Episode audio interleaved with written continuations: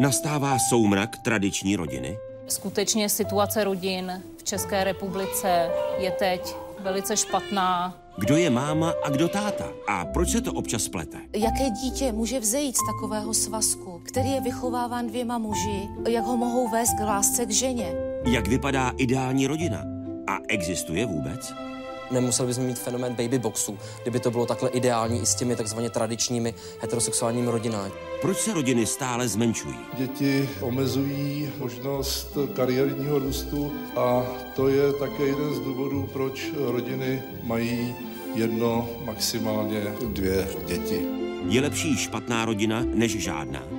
Stále víc dvojic vychovává své děti jako partneři, kteří si své ano oficiálně nikdy neřekli. Razítko, abychom byli šťastná rodina, opravdu nepotřebujeme. Nemyslím si, že to je věc, která by ten vztah jako držela nějak významněji pohromadě.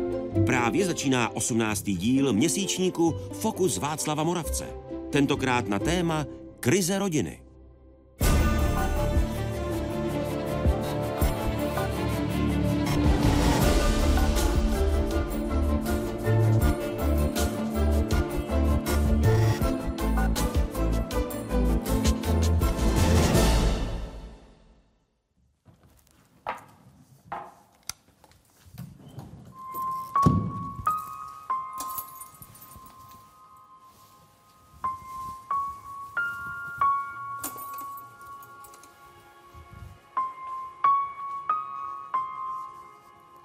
Hluboká vzájemnost, spolupráce a závislosti. Jeden z prvků charakterizujících rodinu. Rodinu považujeme za základní stavební jednotku společnosti. Ať už u přírodních kmenů nebo u západní moderní civilizace. Prochází rodina krizí, anebo jde jen o transformaci. I o tom bude dnešní fokus o čtyřech kapitolách. Při jeho sledování vítám vás, diváky z Pravodajské 24 i publikum tady v Domě uměleckého průmyslu DUB 36 na Pražské národní třídě. Hezký dobrý večer studentům dvou pražských gymnází, tedy gymnázia profesora Jana Patočky a gymnázia na Zatlance. A vítám i tety a děti z dětského domova v Krásné Lípě ve Šluknovském výběžku. Dobrý večer vám všem, Fokus začíná.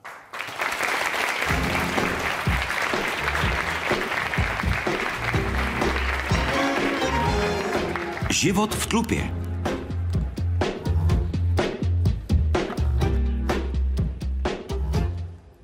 První kapitolu dnešního fokusu nemůže otevřít nikdo jiný než historik, který se zabývá historickou demografií, profesor Eduard Maur. Hezký dobrý večer, vítejte. Dobrý večer. A vítám i novinářku, publicistku, matku dvou dětí, matku, která žije v česko-afgánské rodině. Petra Procházková, dobrý večer. Dobrý večer. Pane profesore, kdy jsme opustili tlupu?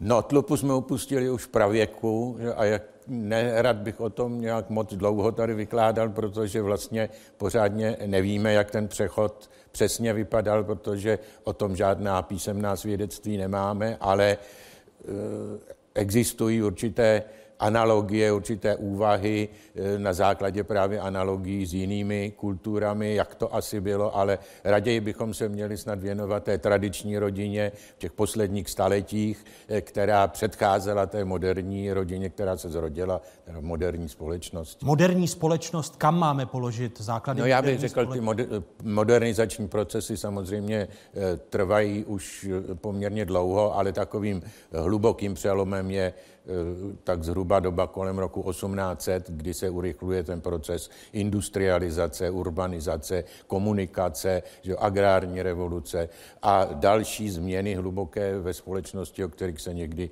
mluví tedy jako takové té komplexní revoluci, ale spíše tedy o modernizaci jako takové. Že? Co z té tradiční rodiny nepřežilo, když se transform, transformovala do rodiny moderní?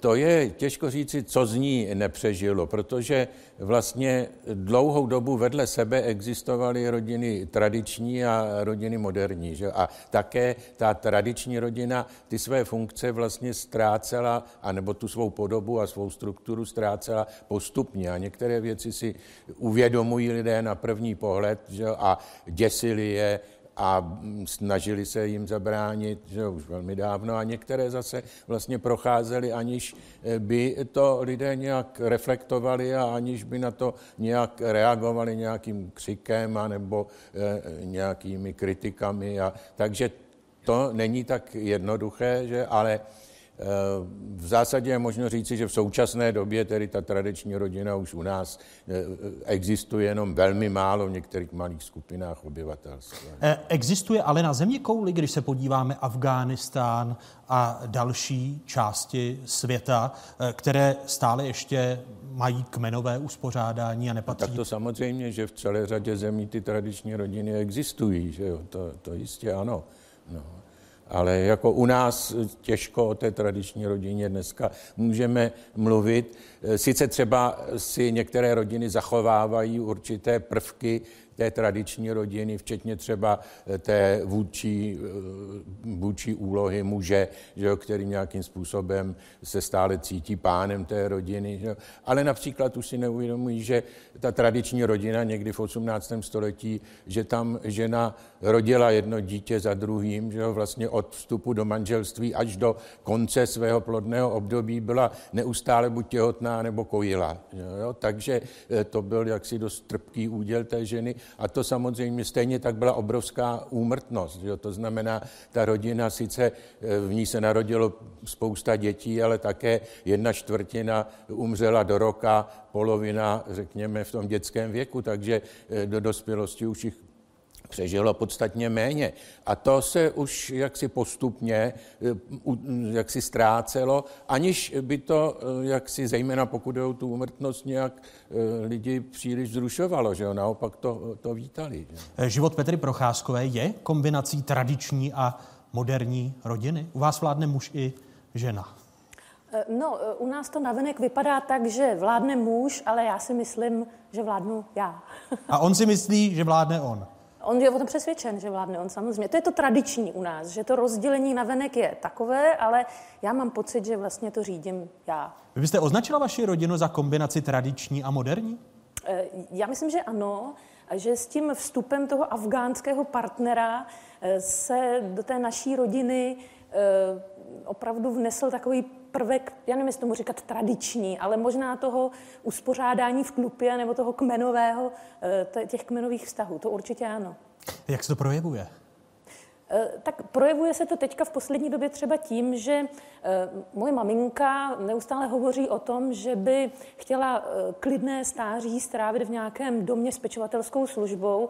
A když to slyšel minulý týden můj muž, Eh, tak se úplně zhrozil a řekl, že tohle, až se dozvědí v Afganistánu, tak nás celý Afganistán odsoudí, protože dát člověka do domu s pečovatelskou službou. Ale moje máma se hrozně bojí, že si k sobě nastěhujeme, takže je tam takový vlastně jakoby opačný rozpor, než bychom čekali.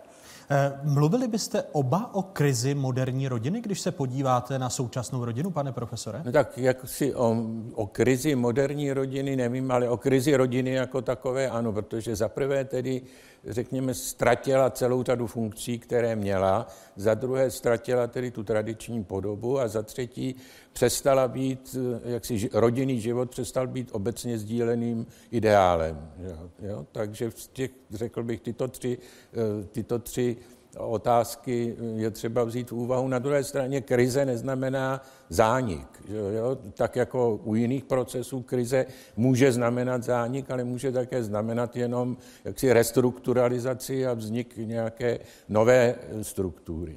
Petro?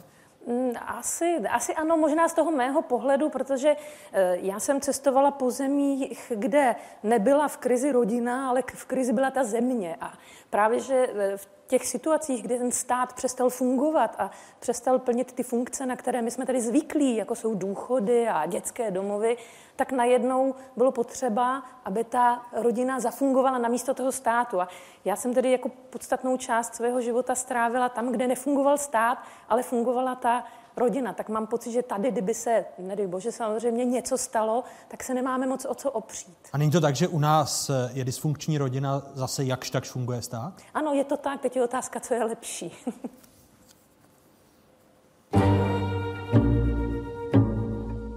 Téměř každý druhý Čech nebo Češka mezi 15. a 65. rokem věku je ženatý nebo vdaná. Každý pátý dokonce po několikáté. A každý sedmý obyvatel České republiky je teď momentálně rozvedený. Nejvíc vdaných a ženatých je ve věku 50 až 65 let, téměř dvě třetiny. Ve skupině 36 až 49 let je to víc než polovina populace. Naopak nejvíce svobodných najdeme třicátníků. Ve věku 25 až 35 let jsou to skoro dvě třetiny z nich. A to jsme pominuli věkovou skupinu 15 až 24 let, kde jsou to téměř všichni. Nejčastěji se seznamujeme přes přátele nebo přes volnočasové aktivity. Takhle se seznámili v České republice dvě pětiny všech párů. Každý sedmý pár se pak seznámil v práci nebo na seznamce. Data pocházejí z červnového výzkumu agentury TNS ISA na reprezentativním vzorku více než pěti tisíc respondentů. To jsou data ze zásadní studie Lifestyle 2016, kterou máme eh, ve Fokusu k dispozici. Pane profesore, kdy tedy započala krize rodiny? Já bych neřekl, že ta krize nějak započala a postupně se stupňovala, ale v každém případě začaly určité procesy, eh, které tu rodinu podstatně měnily, že až tedy řekl bych, vyvrcholili tím současným stavem, který podle mě teda by se krizí nazvat mohl. Že jo? A, Bylo to tedy v minulém století? Ale je to v zásadě současné s modernizací. Že? S modernizací společnosti, jakmile se společnost začala modernizovat, tak ta rodina se měnila, i když zpočátku to ještě nevypadalo nějak eh, jaksi zásadně, ale eh, třeba jenom v detailech, jenom v detailech. Že? Já už jsem tady mluvil o tom, že ta rodina eh, se měnila, pokud jde o její věkovou skladbu a její strukturu, rodiče, děti a tak dále, ale jsou to i další věci. Třeba nám se zdá, zdají velmi jaksi už okrajové, ale nebyly. Že jo? Třeba k motrovství. Že jo? K motrovství, které v té tradiční společnosti hrálo obrovskou úlohu. Že jo? Ty motři byli odpovědní za e, případné, e, případnou výchovu těch dětí a zajištění v případě, že rodiče zemřeli. Že jo? Byli spoluodpovědní za jejich křesťanské vychování. A tohle k motrovství mění, svoje, mění svoji funkci už v podstatě v průběhu 19. století například se kmotry začínají stávat příbuzní. Jo? Začínají se stále více eh, stávat příbuzní kmotry, což dřív bylo vyloučeno už z toho důvodu, že eh, kmotrovství bylo takzvaným duchovním příbuzenstvím a mezi příbuznými se nesměly eh, zakládat sňatky. Takže to byla překážka uzavření sňatku kmotrovství. A čili to nám ukazuje, jak si ten postupující Eh, postupující oslabování vlivu církevní autority v těchto otázkách. Stejně tak jako třeba křty v té starší době dítě se křtilo tak dva, tři dny po narození v případě, že hrozilo nebezpečí úmrtí, tak už ho křtila porodní bába přímo ten den, že jo, přímo při porodu. Dneska se čeká klidně týden, dva týdny, že zvou se na to přátelé, že jo, což zase je teda jaksi takový zdánlivě okrajový eh, jev, ale ukazuje to právě zase na to oslabení tedy těch určitých zásad, určitých eh, kulturních vzorců, které tady po staletí trvaly a najednou začaly být spochybňovány. Že? Ta, pozdě, jsou... ta pozdně moderní doba západní civilizace, ve které se ocitáme, tak je spojována Petro s individualismem a, a konzumem. Eh, tyto jevy, když sledujete tu tradiční rodinu v Afghánistánu, v Čečně a dalších zemích, které jste procestovala, tak zesílily ty eh, negativní tendence? Eh, určitě ano, ono absurdní na tom trošku je, že i ti lidé v těch, dejme tomu, tradičních společnostech touží potom, po tom konzumu, po těch supermarketech, vlastně i po tom individuálním úspěchu, ale zároveň žijí v podmínkách, kdy to prostě není možné. To řeknu na příkladu, proč to třeba není možné, že já jsem bydlela 6 let v Afghánistánu, eh, tak ehm, tam je ten institut příbuzenství nesmírně silný. A když třeba máš příbuzný bratranec z pátého kolena, pracuje na nějak nějakém úřadu státním a vy tam přijdete, tak on se vámi musí vypít čaj, ať je tam fronta prostě třeba 60 lidí. Takže ta prosperita té společnosti nemůže být taková. Vy se musíte zúčastňovat všech svadeb, všech pohřbů, ty trvají týden. Máte strašně moc těch lidí, kteří se žení a kteří umírají, takže vám vlastně nezbyde moc čas na tu práci. Tím pádem ta společnost samozřejmě, jak si v tom individuálním rozvoji, v té technokratičnosti strašně zaostává. Přitom po ní touží. A je možné ten individualismus a konzumentarismus západní společnosti skloubit eh, vůbec fungováním té tradiční rodiny? Nebo eh, bez sporu i těm kmenovým společnostem nebo eh, společnostem, které nejsou součástí západního civilizačního okruhu, hrozí také zásadní transformace rodiny? Myslím, že jim to časem hrozí, ale právě eh, to brzdí to, že eh, já se pohybuju právě v oblastech, kde se ještě odehrává něco mimořádného, je tam zemětřesení nebo válka a nefunguje ten státní aparát. A tam ty rodiny získávají jakou, jako jsi další smysl, protože když vám nic nefunguje, eh, vy do toho onemocníte, eh, prostě jste v strašné situaci, tak jedinou vaší jistotou je to příbuzenstvo, je ta rodina a musí být trochu větší, protože mm, aby zvládla ten tlak, aby zvládla tu situaci. Proto třeba moji příbuzní afgánští mají hodně dětí, protože tam neexistuje institut důchodu. Můj tchán nemá důchod, my mu musíme posílat peníze, protože on nemá prostě důchod. On těch dětí musí mít víc, aby někdo se jednak dožil toho vyššího věku, ale taky někdo se v tom vyšším věku uplatnil a mohl mu ten eh, vlastně důchod, který nedostává od státu, kompenzovat. Proto systém vejminku, které proto systém vejminku, který můj muž si právě myslí, že by měly být dotace Evropské unie nikoliv na cyklostezky, ale na vejminky, že by to bylo mnohem prospěšnější. No mně to taky nezdá tak hloupý nápad. No pokud je o ten výměnek, to ovšem je eh, jaksi otázka, eh, na čem by byl založen, protože výměnek byl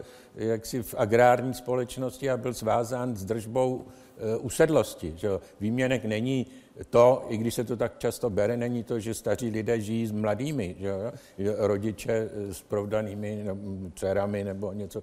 To eh, se podobá, ale výměnek byla, eh, byl jaksi institut právní založený na smlouvě mezi eh, dosavadním a budoucím majitelem usedlosti, kdy při předání usedlosti ten, který ji získal, se zavazuje k určitým služebnostem vůči tomu bývalému držiteli. Že? A dokonce to nemusel být ani příbuzný, mohl to být i cizí člověk, když mu prodal tu usedlost, protože neměl dědice třeba, tak si mohl ten výměnek u něj zajistit. A byly ty výměnky někdy velmi, i pro, tu, pro to hospodářství někdy docela tíživé, že? protože oni si vyžádali určitý, jaksi, e, určitou, určitý počet e, nebo určité množství obilí, který musí dostat že jim ten hospodář musí e, nějaké políčko obdělat, oni si tam zasází len předou, prodají, že mají právo na jabka z jedné jabloně a tak dále. Takže eh, to mm, je něco jiného, jo? aby se tyhle ty dvě věci nesměšovaly. Pane profesore, neidealizujeme si tu tradiční rodinu eh, a proto, když žijeme v současnosti, můžeme mluvit o krizi, ale ta tradiční rodina na tom také nebyla nejlépe? No tak určitě si v určitém smyslu idealizujeme, zejména právě, jestliže se volá po návratu eh, k třígenerační rodině s péčí o staré lidi a právě se, jak se ukazuje, na, na výměnek. Jednak teda ten výměnek dneska je nemožný z toho důvodu, že skoro nikdo zemědělskou usedlost nemá, takže jak si v tomto případě nevím, na čem by, byla založen, na čem by byl založen. Ale hlavně Eh, jak si třeba, když si vezmeme krásnou literaturu 19. století, tak ten vztah rodičů a dětí, které, rodičů, které jsou na výměnku, je eh, sice někdy, jak si líčen ideálně, že jo, třeba si vezmeme pantátu Bezouška, ale jinde je jak si líčen velmi černými barvami. No. Českým rodinám patří ve všední den podvečer. Jako čas, kdy se obvykle sejde doma celá rodina, to ve výzkumu agentury TNS ISA uvedly téměř dvě třetiny respondentů. Společně večeří víc než polovina českých rodin. Naopak u společné snídaně se sejde jen jedna čtvrtina rodin. Víkendové návštěvy příbuzných a nakupování lákají rodiny víc než výstavy nebo divadla. Dvě třetiny českých rodin alespoň jednou za měsíc společně navštíví své příbuzné. Polovina podnikne výlet do přírody a téměř polovina vyrazí společně za nákupy. Kultura je víkendovým cílem čtvrtiny rodin a návštěva nějaké sportovní události zhruba jedné desetiny. Společná rodinná dovolená je pořád fenomén.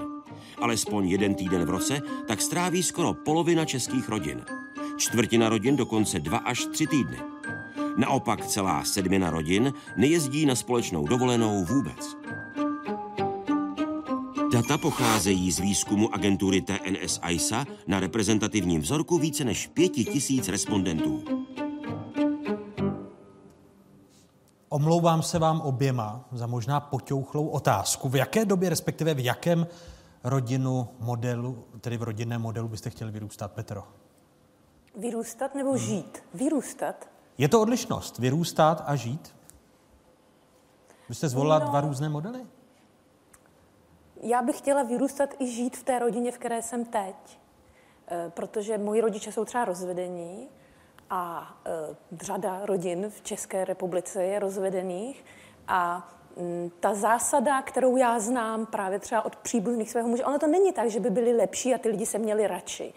Ale oni jsou nuceni tím prostředím eh, více jaksi dodržovat takové ty zákony že něco se prostě nemá, že něco se nesmí, že něco musím obětovat kvůli někomu druhému. Mně se zdá, že eh, já tu krizi té rodiny vlastně vidím v, těch, v té krizi vztahu, v tom, že jakoby, a já jsem k tomu měla taky dlouho tendenci, nadřazuju ten, to, tu svoji kariéru, to všechno, co se týká mě, eh, nadřazuju nějakým vztahům se svými příbuznými, ale Teď si myslím, že to tak nemám. To jsem se trošičku jakoby poučila od... To je ten dar eh, tradiční a moderní rodiny, kterou žijete. No něco vám to dává, něco vám to bere. To tak je vždycky a možná, že je nejlepší najít jakousi rovnováhu. Že jako srovnávat úplně ty dva modely eh, je ošemetné, protože na každém je něco pro a proti, ale tak mně se zdá, že jsem to docela tak jako skloubila hezky. Stejně potěuchlá otázka pro vás, pane No profesore. já myslím, že to zase není tak potěuchlá otázka, protože ta odpověď asi bude podobná. Že? Asi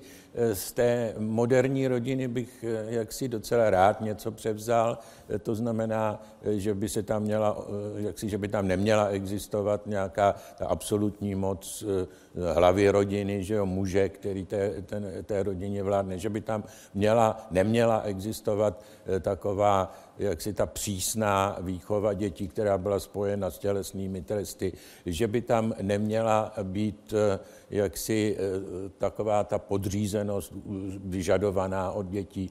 A tyhle ty věci by tam asi, jak si bych asi nerad v takové rodině vyrůstal. Že? Ale na druhé straně ta soudržnost té rodiny, o které paní Procházková mluvila, že jo, a em, jak si ten pocit zodpovědnosti vůči rodině, který ovšem je jenom součástí jaksi toho širšího pocitu zodpovědnosti vůči druhým, který obecně jaksi upadá, že jo, nejenom teda vůči své vlastní rodině.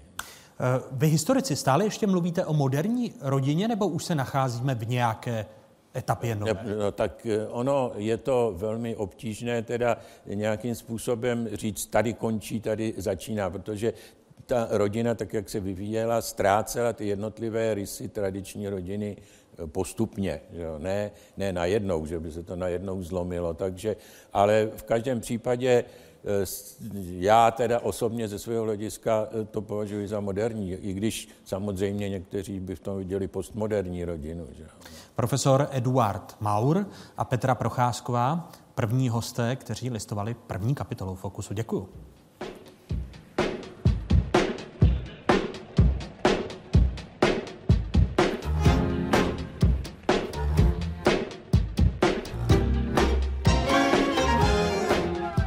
Debatě historika Eduarda Maura a novinářky Petry Procházkové přijdou diskutovat socioložka Marta Vohlídalová a psycholog Petr Šmolka. Ty pak vystřídají ekonomka Mariola Pitliková a spisovatel Jiří Dědeček. Sledujete 18. díl měsíčníku Fokus Václava Moravce. Tentokrát na téma krize rodiny. 20 tisíc dětí. Je to takové jedno větší okresní město v České republice. 20 tisíc dětí vyrůstá v České republice bez biologických rodičů. Jsou buď v ústavní péči, především v dětských domovech, nebo v pěstounské péči. 22 dětí vyrůstá v dětském domově v krásné lípě na Šluchnovsku. Část z nich je teď tady mezi námi. A den nebo dva dny, které jsem s nimi prožil, byly opravdovou lekcí života. Vstupujeme tady na první rodinu, kde se dostaneme do chodbička a potom následně půjdeme do kuchyně. Kolik tady je rodin? Jsou tady tři rodiny, po maximálně osmi dětech. A co se týče e, dětí, tak jsou v rámci té jedné rodiny různé věkové skupiny. E, není to zas tak pravda, jakoby je to spíš rozmíchané, že tady jsou i větší děti, tady je uh, i, I menší, menší samozřejmě, že jo. Uh, je tady Bára a Kristýna, který už jsou starší. A jinak tady jsou spíš takhle menší, že ty větším pomáhají tam.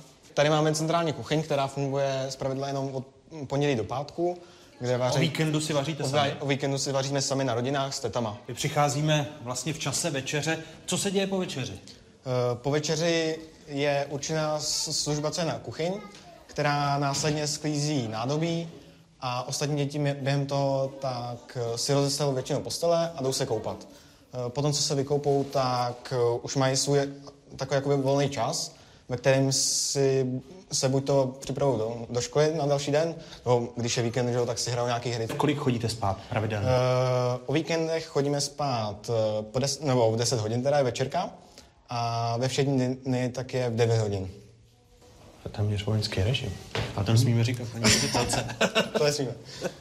A sejdete se všichni dohromady v těch 22, nebo ten, uh, ten chod rodin je oddělený? A... Spíše je ten chod uh, rodin oddělený, ale uh, když jsou nějaké akce, třeba přijede nějaká nadace nebo něco takového, když se řeší nějaké konflikty nebo nějaké mimořádné události, tak se většinou sejdeme v nějak, nějakém obyváku tady, buď tady na jednice nebo na dvojce a tak se to řeší většinou.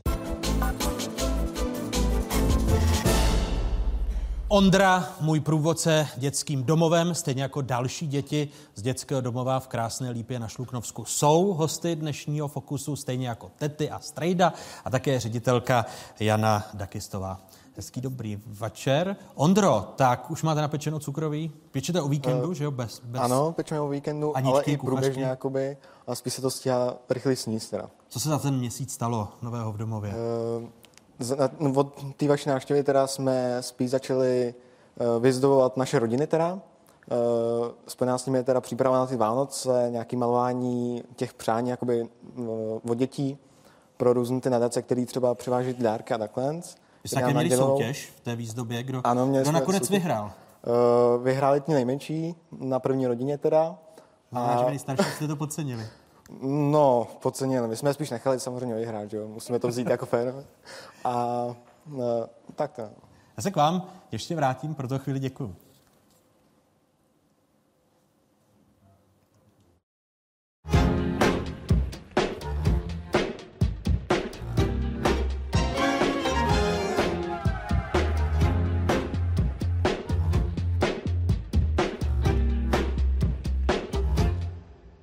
Druhou kapitolu dnešního Fokusu, nazvanou Mám a táta otevírají. Psycholog, manželský poradce Petr Šmolka, hezký dobrý večer. Dobrý večer. Vítejte. A Marta Vohlídalová, socioložka ze Sociologického ústavu Akademie České republiky. Dobrý hezký večer. Dobrý večer. Eh, Výduli, pane doktore, z názvu kapitoly Máma a táta. Jak těžký start do života mají děti, které vyrůstají bez mámy, nebo bez táty, nebo bez obou?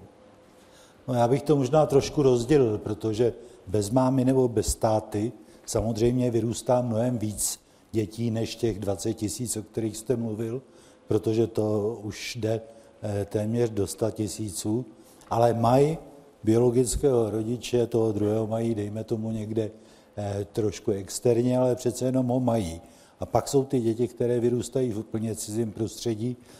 Eh, ono, já vždycky, když přijdou klienti, kterým je třeba 55 a oni říkají, já se nemohu chovat jinak, protože jsem vyrost v takové a v takové rodině, tak si říkám, co pro boha oni dělali od těch 10-15 let do těch 55, že se stále ještě na to vymlouvají.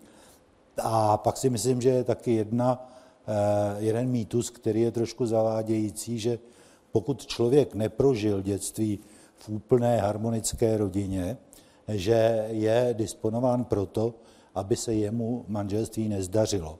Protože eh, pro většinu dětí, které takto vyrostou, eh, vyrostou v té rodině, kde jim nebylo dobře, to může být taková životní zkušenost, že oni do svých vztahů potom vstupují s představou, že svým dětem nikdy nic podobného eh, nebudou dělat. Ne, nevystaví je té situaci. Paradoxně to může potom ovšem vést i k tomu, že drží manželství, která jsou dávno dysfunkční a ty děti se v těch manželstvích trápí. A pak bych možná zmínil jeden výzkum, který eh, občas cituji klientům, pokud oni tak váhají, jestli je lepší zůstat ve špatné rodině, nebo jestli je modernější, případně pro děti lepší se rozvést.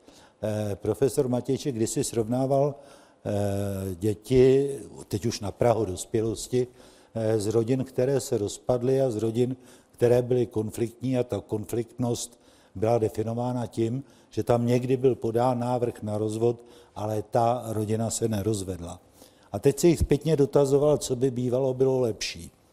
A tam to vyšlo v celku jednoznačně, že lepší by bylo vždycky opak toho, než ty děti prožily. To znamená, děti z rozvedených rodin tvrdili téměř unizono, že by bylo lepší, kdyby ta rodina zůstala pohromadě, byť konfliktní, a ty z těch konfliktních nerozvedených eh, zas mají tendenci říkat, že by jim možná bylo lépe, eh, pokud by se ti rodiče rozešli. Teď se obrátím na Janu Dikastovou, ředitelku dětského domova eh, v Krásné Lípě. Jano, když si vezmete za těch kolik, víc než 30 let děti, které vám prošly vaším dětským domovem, tak kterých těch příběhů bylo víc? S tím šťastným koncem nebo s tím koncem horším, když navážeme na řekla, Petra? Že na začátku té své kariéry byly ty děti úspěšnější potom, když odcházely z dětského domova. V současné době eh, si myslím, že to je trošku horší. Čemu to přičítáte? Já si myslím, eh, že přichází do dětského domova nebo od té dysfunkční rodiny už velmi pozdě a jsou už velmi ovlivněny tou negací, negativitou té vlastní rodiny.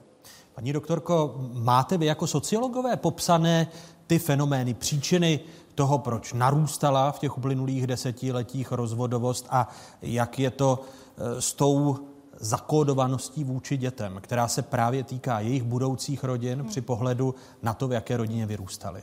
Tak co se týče té rozvodovosti, tak ona vlastně, mm, my o tom tady mluvíme, jako kdyby to byla otázka nějakých posledních deseti let, ale ona byla poměrně vysoká i e, třeba v 80.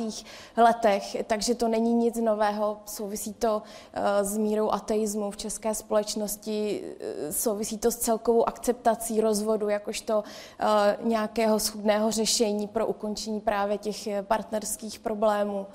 Uh, takže uh, to jakoby není nic nového, ale vlastně to, co jakoby vede k tomu, že ty vztahy jsou, že ty partnerské vztahy jsou křehčí, je to, že vlastně pojítkem té rodiny a těch partnerských vztahů už není majetek, dědictví nebo nějaké uh, širší vazby mezi rodinami, ale že jsou to emoce, že jsou to vztahy a že je to právě naplnění z toho uh, kvalitního vztahu, co my vlastně nakládáme na tu rodinu, co je, co je vlastně uh, jakoby alfa omega toho, proč lidé udržují partnerské vztahy.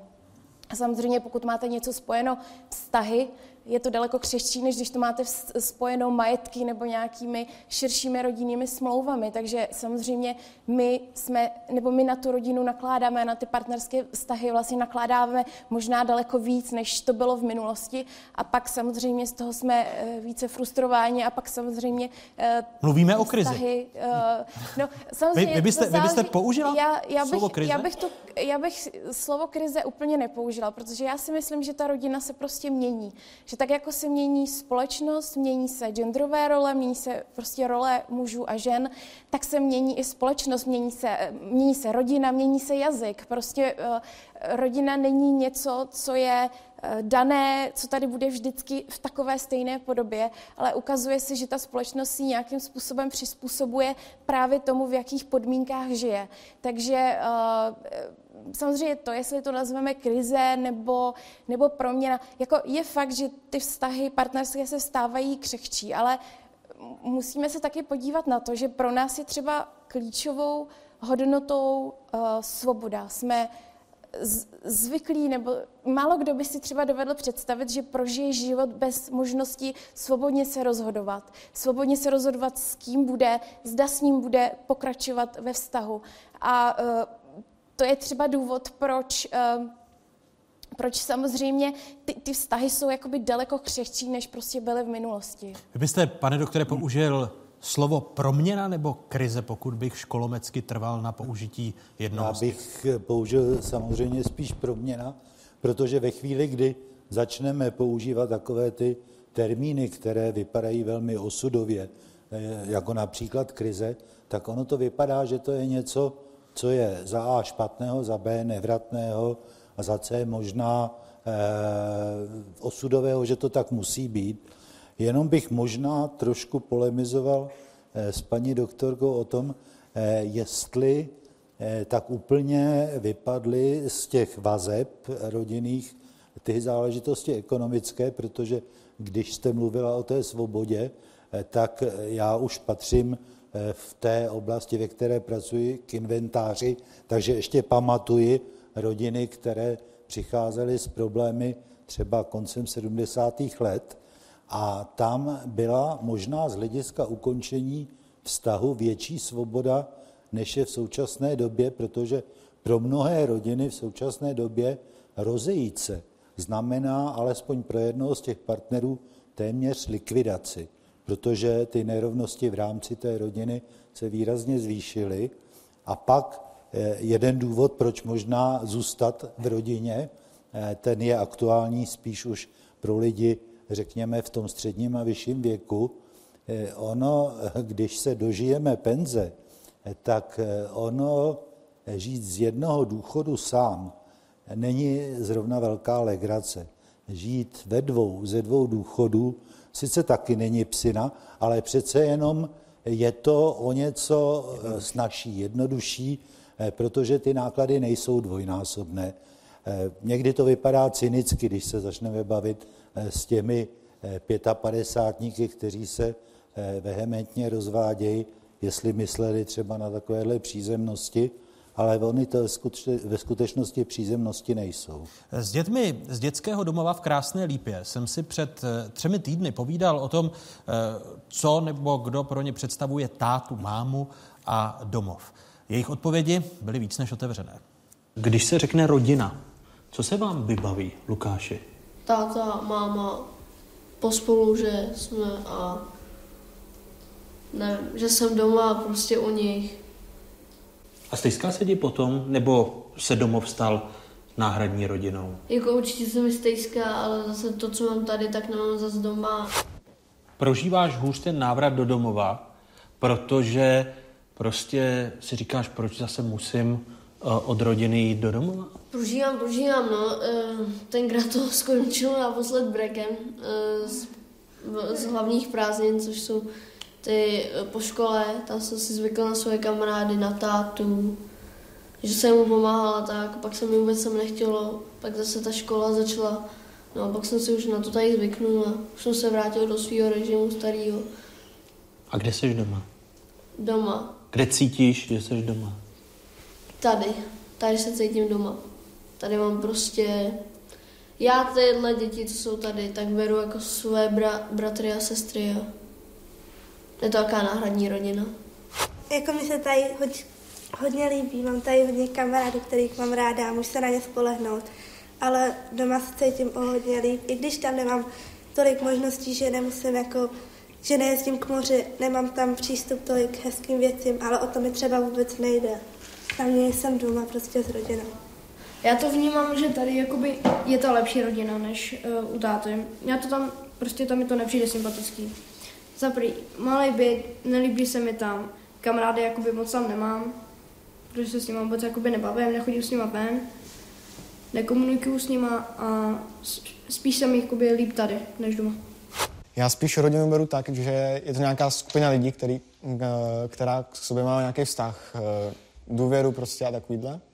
Takže nemusí to být eh, zrovna jakoby matka, táta a takovýhle, ale spíš jakoby takový ty lidi, kteří jsou okolo sebe a můžou si důvěřovat a jako mít někde domov, tak to zatím ještě furt jako necítím, že jsem se někde cítil jako úplně doma.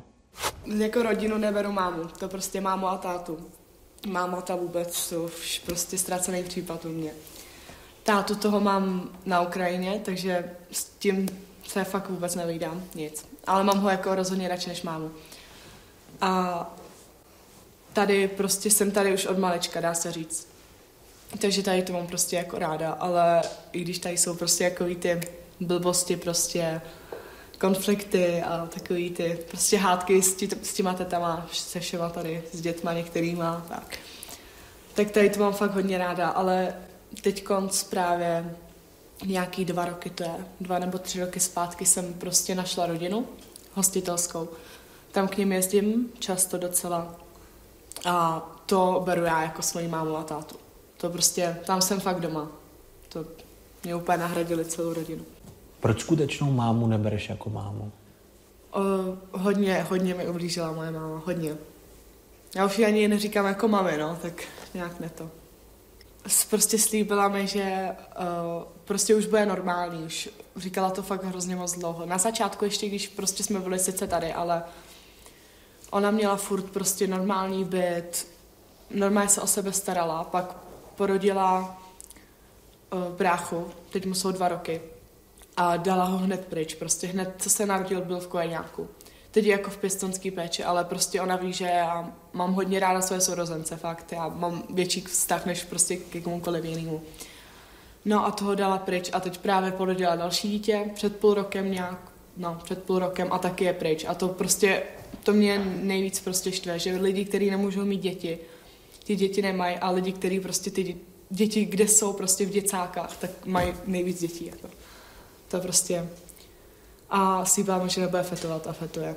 Takže to mě prostě není máma, no.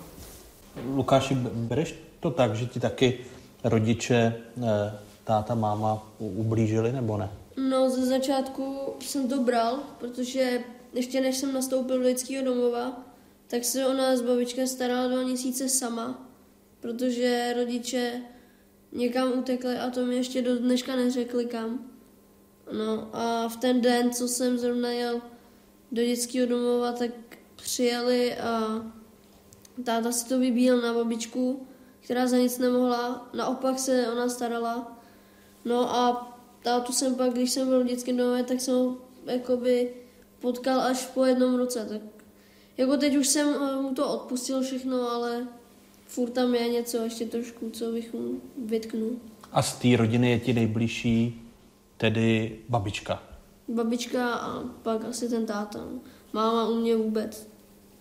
E, rodiče mi ublížili, protože vždycky, když oni se hádali, tak to končilo vždycky, že oni se poprali.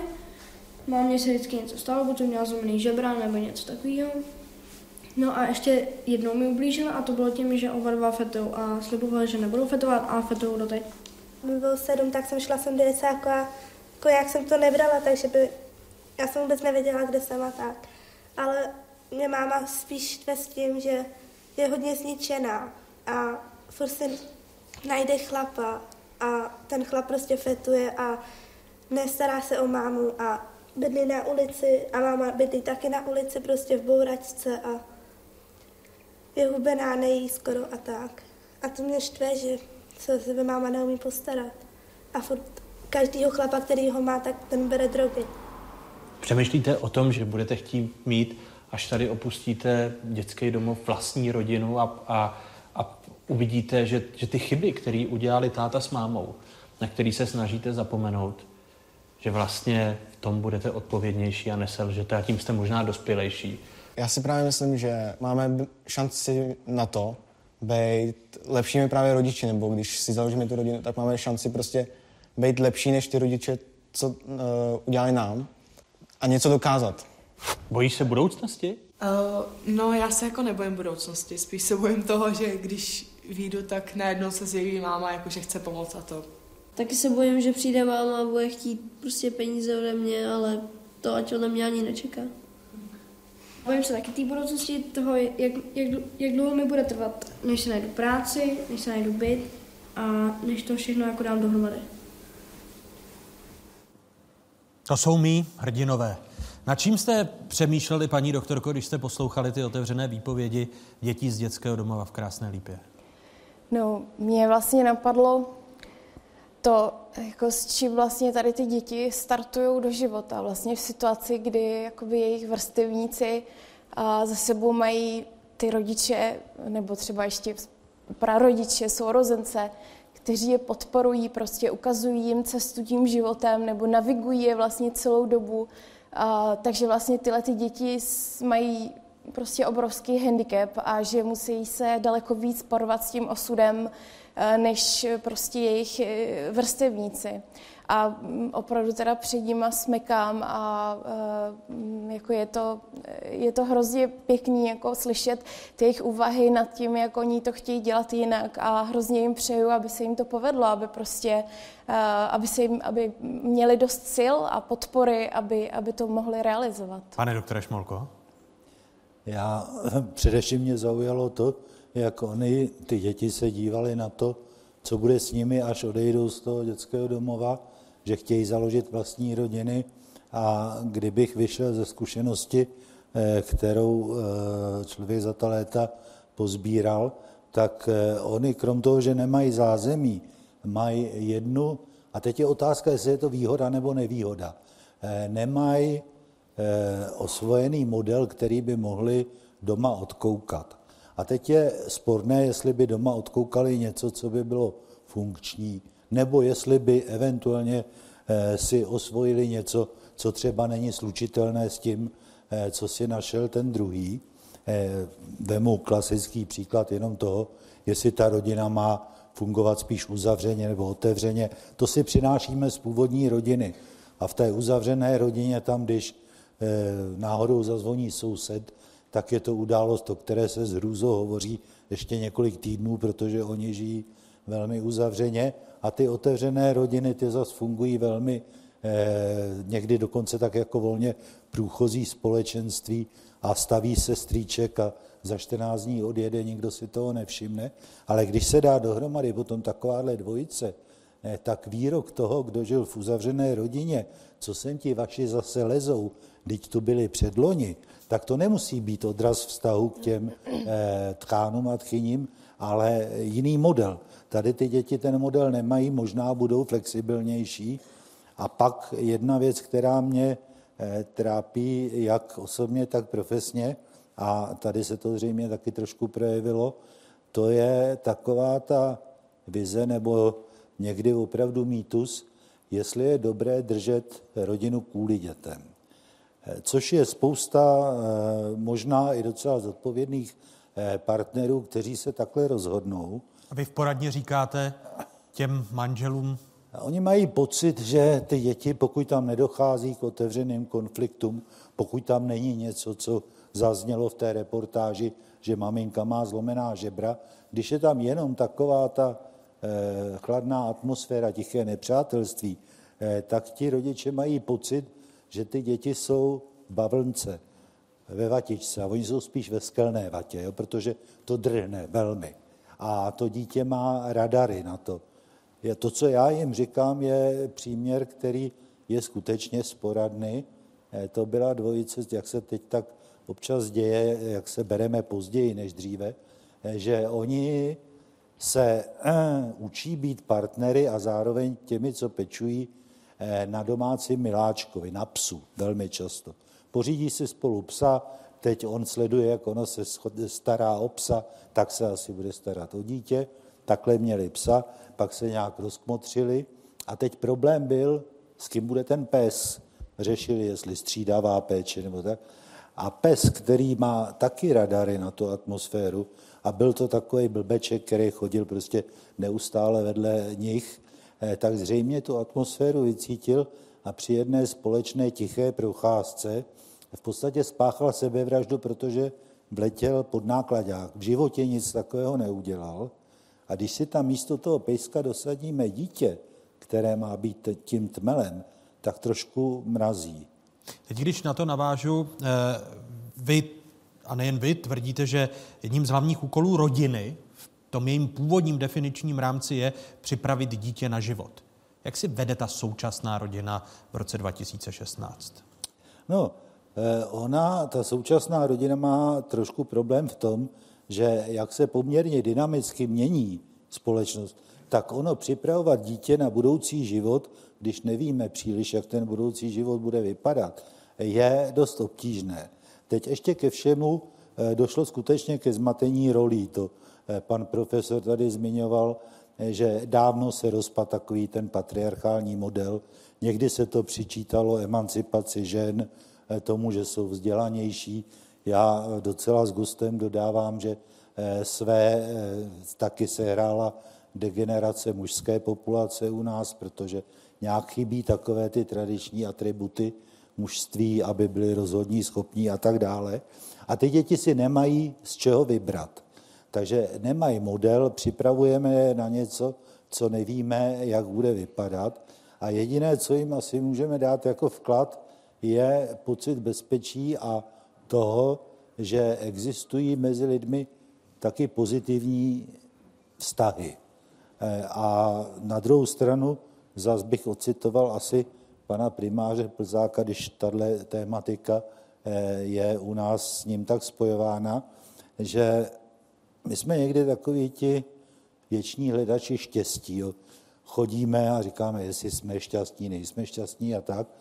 Eh, a když skutečně pak přijdou klienti a říkají, že mají dny, kdy nejsou s tím partnerem šťastní, tak jedno, co se jim dá říct, je, že on pan primář Plzák říkal a měl pravdu, že permanentně šťastný může být pouze idiot.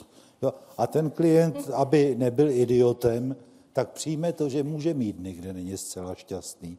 Takže eh, ano, smyslem rodiny, kromě jiného, je příprava dětí pro život, ale ta příprava je, že z něj nevychováme úzkostného neurotika, ale člověka, který si je vědom své hodnoty. Když se bavíme o proměně rodiny, proměně roli táty a, a mámy, paní doktorko, eh, tak eh, sociální antropolog Robert Murphy tvrdil ještě před 20 lety, cituji, nukleární rodina se stává z muže a ženy, kteří se svými budoucími dětmi utvoří novou rodinnou jednotku. Konec citátu. Platí to ještě dneska, když se proměnila rodina? No, tak samozřejmě to je... Nebo máte ten novou třeba... definici? Ne, ne, ne, nemám novou definici, ale je pravda, že a to vlastně bylo vidět i v té reportáži, když se těch dětí e, ptáte, nebo když jste se jich ptali, co je pro tebe rodina, tak vlastně to, byla, to bylo vidět, jak vlastně každý tu rodinu si definuje nějak jinak. Někdo ji definoval jako ty přátelé, se kterými žije v tom, v tom dětském domově, někdo definoval jako babičku, někdo definoval prostě jiné přátele. A to je právě to, co je typické pro tu současnou rodinu, že se hodně pluralizuje, že vlastně už to není ten jenom výhradně ten biologický pár s těmi svý, teda, pardon, manželský pár s těmi biologickými dětmi, ale jsou to nesezdané páry se svými dětmi, jsou to páry kdy, eh, třeba homosexuální, kdy třeba jeden z těch uh, partnerů má svoje děti a uh, druhý k němu, k němu, uh, k tomu dítěti má také vztah. Uh, jsou to jsou to vztahy znovu složených rodin, kdy je eh, jeden z ne, nebo oba ty partneři jsou třeba rozvedení. Jakoby ta rodina eh, jakoby pořád jakoby funguje uh, nějakým způsobem, ale mění se jakoby její obsah. Ono, když tady navážu inspirativní knížku před dvěmi lety, vydal ekonom Lubomír Mlčoch z Fakulty sociálních věd, který uh, ve své knize Ekonomie rodiny v proměnách času, institucí a hodnot píše, cituji, rodina je obětí závislosti společnosti na konzumu. Současný systém je vůči rodině svým způsobem nepřátelštější než komunistický. Konec citátu. Uh, Podepsala byste tuto tezi? No, já bych s tím víceméně sou, jako souhlasila. Problém jako současné doby je, že uh, vlastně klade velký důraz na participaci lidí na trhu práce, na takovou tu individualizaci, která je spojena právě s tím trhem práce. A uh, tam samozřejmě vzniká určitý rozpor, protože uh, pokud tato, nebo tato forma jakoby nátlaku nebo očekávání je spojená i s muži, i se ženami, se všemi individui. Uh, tak ale zároveň uh, uspět na trhu práce znamená v současné době být flexibilní, být soutěživý, být, být prostorově mobilní, časově mobilní.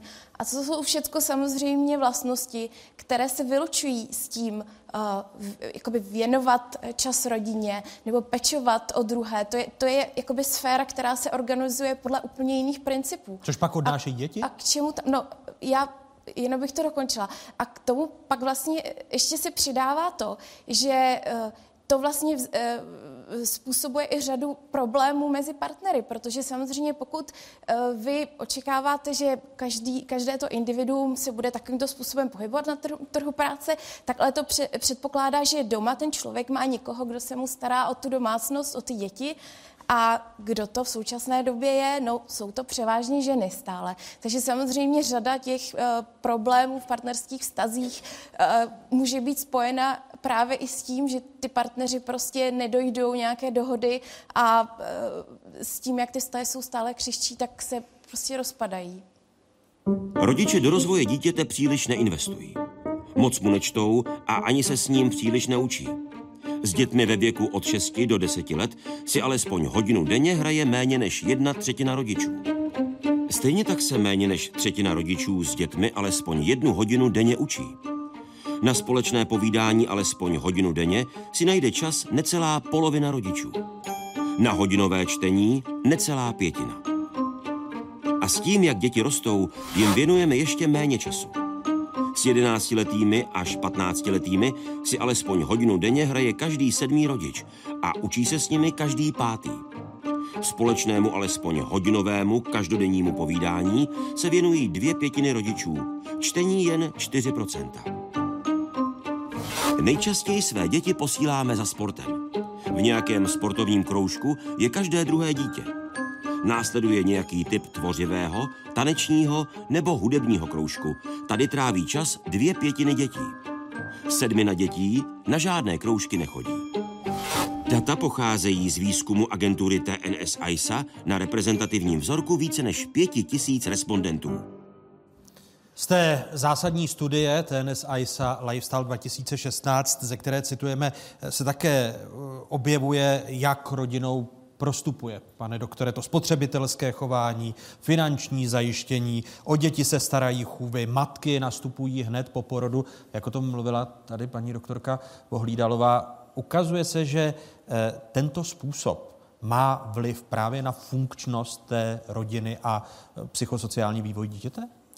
No, bych byl trošku opatrný v tom hledat nějakou jednoznačnou příčinnost, kauzalitu. Protože říct, že tohle způsobuje něco v té rodině samo o sobě, eh, to je zkratka, která nemusí sedět. Vy jste zmínil třeba to, že oba ti rodiče jsou na trhu práce, eh, doma je chůva, která se postará. Zdánlivě to vypadá jako něco nepatřičného, ale proč by nemohla dobrá chůva, která má ráda ty děti, substituovat třeba, nahrazovat tu matku a otce alespoň nějaký čas z toho dne, pokud Jinými oni... nebyl, nebyl byste tak jednoznačný v tom, co, když jsem si pročítal ty různé moudré knihy, Jistý rozpor, který můžeme vidět mezi klasickou psychologií, to znamená například do tří let věku dítěte by se co nejvíce měla matka i tatínek o dítě starat, hmm. protože ta náhradní péče chůvou, e, příbuznými může to dítě připravit o, o, o jisté e, no, vlohy do života. A já... sociologové pak říkají, hmm Nechci říct něco jiného, ale tady ten jistý rozpor můžeme pozorovat. Takhle to dítě potřebuje rozhodně minimálně do půl roku mít jednu stabilní bytost, která se o ně stará. Jestli to bude matka, nebo jestli to bude otec, nebo jestli to bude laskavá chůva, eh, toto dítě příliš neregistruje. Tu druhou významnou bytost by mělo mít tak někdy do toho půl druhého roku, ale teď je otázka, jestli je lepší, bude-li mít ty pokrevní biologické rodiče, uštvané, uhoněné, rozhádané, anebo jestli část toho času stráví s někým, kdo s ním bude v pohodě a ti rodiče potom budou mít na něj opravdu víc času, budou v lepší pohodě. Eh, ono, nebo chůva, třeba pomocnice v domácnosti, to je něco, eh, co bylo a v některých společnostech je zcela běžné. U nás se ta tradice zpřetrhala. Paradoxně je to tak, že ženy, které s odpuštěním padají na ústa, protože chtějí zvládat veškerý rodinný provoz, jsou ty, které mají větší námitky proti tomu, aby měli pomocníci v domácnosti, než muži, protože mají pocit, že tím nějak se ta jejich ženskost jakoby devalvuje. Ale jestli by ženskost měla spočívat v tom, eh, kolik hodin týdně ona jezdí s vysavačem nebo krájí cibuli, eh, to si myslím, že takovým ženám by se člověk asi spíš vyhýbal, než by je vyhledával. Takže a... rozpor, rozpor mezi tím sociologickým pojetím a, a tou tradiční psychologií nevidíte ani vy. Marta. No, protože tady sedí pan doktor Šmolka, ale já se obávám, nebo co mám uh, zkušenosti, tak většinou ta uh, česká, specificky česká psychologická škola většinou je velmi jako militantní, pokud jde o uh, nerodinnou péči o děti do tří let, takže to mi asi dáte za pravdu. Já jsem jenom chtěla říct, že uh, vlastně um, problém jako je v tom, že v, v tom českém prostředí vlastně ženy, které z nějakého důvodu třeba, a nejsou to právě jenom třeba ženy, které jsou nějak výrazně kariérně orientované, ale jsou to třeba i, představte si matky samoživitelky, ty prostě si nemůžou dovolit eh, zůstat s dítětem ty standardní tři roky eh, doma v domácnosti na rodičovské. To je prostě nemožné. Ještě eh, v situaci, kdy víme, jakým způsobem se platí výživné, nebo spíše neplatí a jak, jakou výši má to výživné.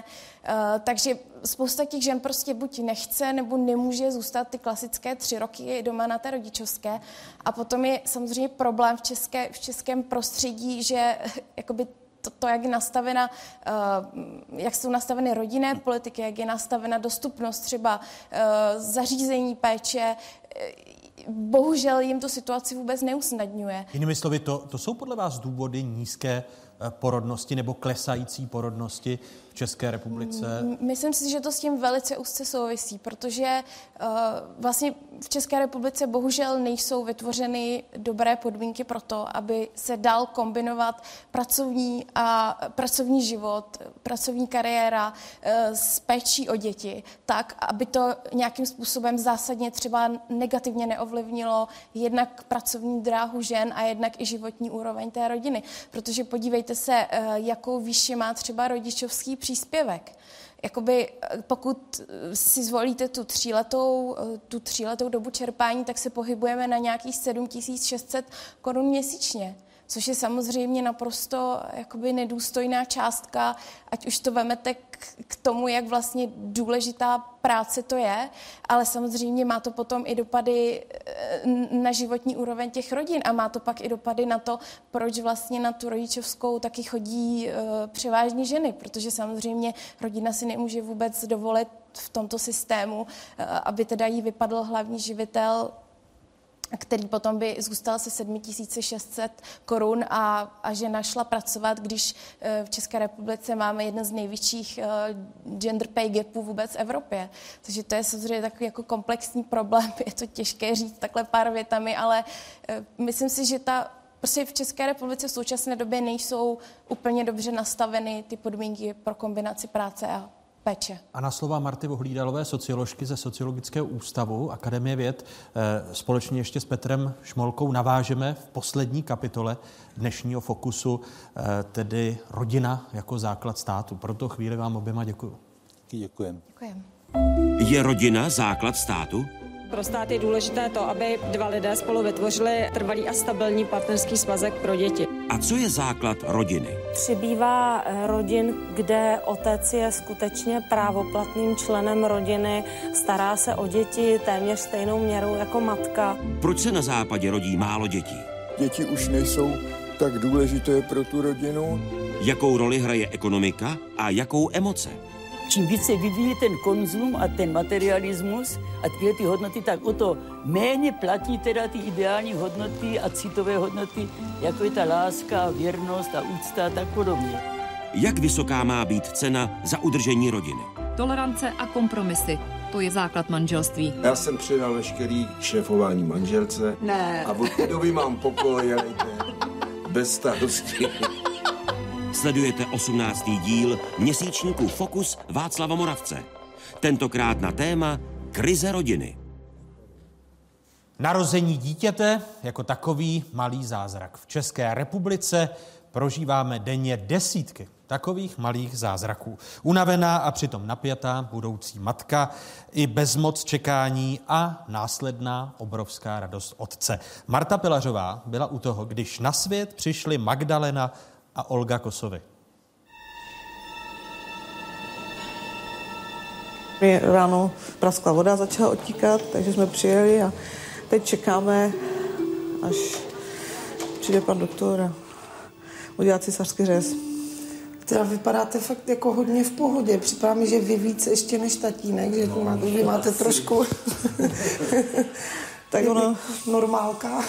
tak když už to, ono, když už to člověk od jako těch 9 měsíců odtahá, tak teď už se konečně něco děje, tak jako spíš se mi tak jako ulevilo a zatím nemám žádné bolesti ani kontrakce, takže uh, jsem v pohodě. Ale jestli to začne, tak určitě přestanu být v pohodě. Tak co to bude, až to bude? Kluci, holky? Měl by to být holky. Holky. A doma máte? Holky, dvě. O, to bude ženský. A psa máte? Ne, kočky. Kočky dvě. máte dvě.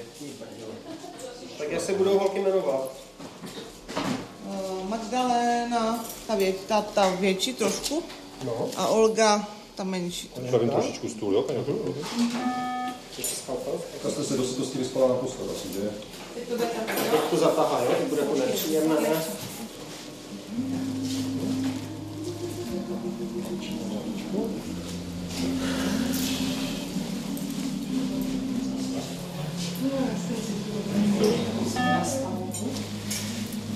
Zabereme.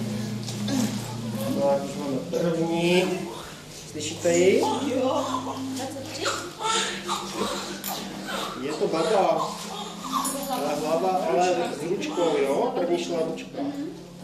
Tak, ukážeme ruče. První.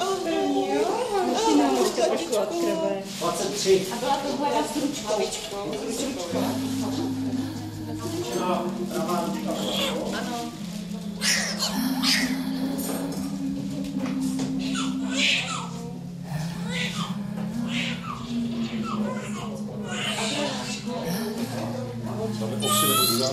Ahoj, druhá, jo?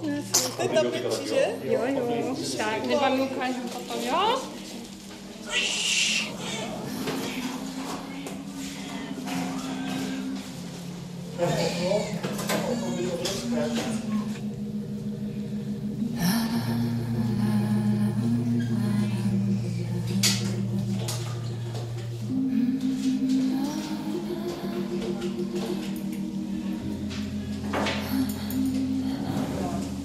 Tady miminko druhé Bčko, 3010 gramů a 49 cm.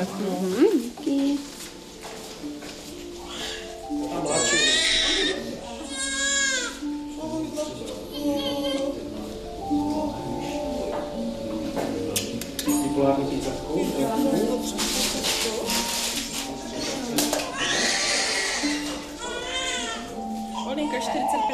метро 2910. Ага, дякую. Так, 45 сентября.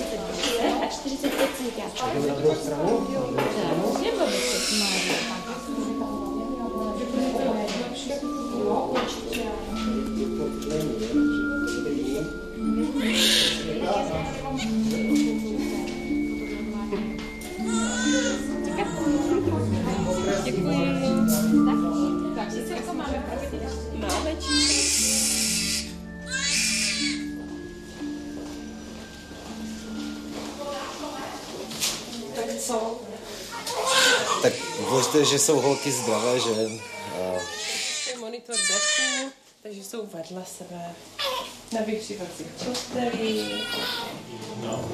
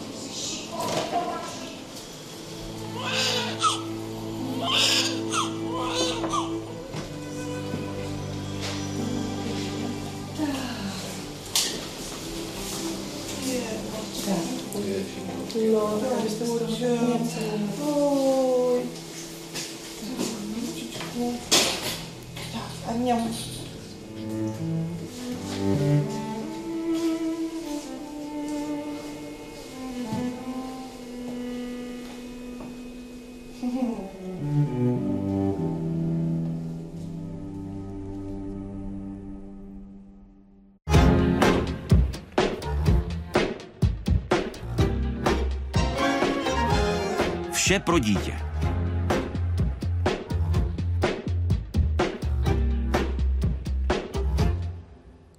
A ještě pár let to potrvá, než nejen Magdalena a Olgy Kosovy se naučí například básničku Slon. Našeptal slon slonovi, ať se schová do křoví. Nápad to byl chatrný, poškrábal se o trny. Nyní, jak je patrné, čeká, až mu otrne. Omlouvám se za špatnou interpretaci dalšímu hostovi dnešního Fokusu, autorovi té básničky, a to spisovateli, básníkovi, eh, textaři Jiřímu Dědečkovi. Hezký dobrý večer, vítejte. Dobrý večer, to jste řekl moc hezky, Václavé, sám bych to líp nezarecitoval. No vy těch básniček o slonech máte víc, nejen nejen tuto. Já jsem se marně pokoušel si vzpomenout, jaká je ta druhá, ale tam je něco e, s velkou úctou k chobotu, že bych ho nosil omotaný kolem těla, celá naše třída by mi záviděla. Ale pak už nevím přesně, jak to tam se slonem je. A dalším hostem kapitoly Vše pro dítě je ekonomka Mariola Pitlíková. Vítejte, hezký. Dobrý večer. Přeji. Dobrý večer. E, došlo bez zesporu nejen k proměny rodiny, ale také k proměny dětí které v rodinách vyrůstají, když se podíváte, jak těžké je proniknout do duše dnešního dítěte. Je to pro vás těžké, Jiří? Já si myslím, že to je prakticky nemožné, že člověk se musí jenom snažit a jenom prostřednictvím lásky a jakési empatie eh, pokoušet se to dítě správným způsobem vést a naladit. A já vždycky žertuju a říkám, že od pěti měsíců života už je marné lidi vychovávat, takže tento způsob výchovy skrze lásku, city mně připadá nejdůstojnější a nejkrásnější. Ale proniknout do duše eh, dítěte, vůbec do duše kteréhokoliv člověka, to je úkol nadlidský a jsou o tom napsány romány a píšou se o tom psychologické studie. Na, nakolik eh, je to obtížné, protože ty dnešní děti jsou vrženy do toho individualizovaného světa nejmodernějších technologií, tudíž vy už eh, jste vlastně přežitkem jako básník a, a textař, protože spíš byste měl vyrábět počítačové hry. No, to určitě do značné míry je i tímto. Tedy především tím momentem, kdy eh, pro dítě přestává být rodič tou hlavní autoritou a je nahrazován postupně kamarády, to je velmi časté, anebo někdy i těmi učiteli.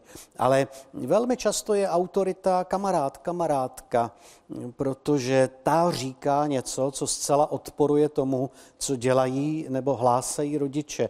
A tam se to pravděpodobně někde láme a tehdy eh, rodič ztrácí přehled nad tou dětskou duší. Ten přehled si myslím, že máme, dokud to dítě je na nás závislé. E, jo, do značné míry, do těch tří, čtyř, možná i pěti let, nežli ho ta škola začne obrušovat. Ale do té chvíle, dokud otec je Bůh a matka bohyně, a tak to chvilku je s těmi dětmi, když rodina funguje jakž takž dobře. Tatínek umí všecko, tatínek má největší sílu a mm, všechno zařídí a každý ho přepere. E, tam ta dušička třeba není ještě tak strukturovaná a složitá a tehdy ji možná rozumíme.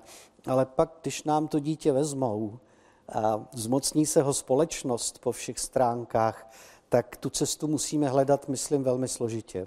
Eh, paní docentko, nezmocňuje se společnost toho dítěte eh, čím dál dříve? Neměli bychom kapitolu nazvat eh, Vše pro spotřebitele?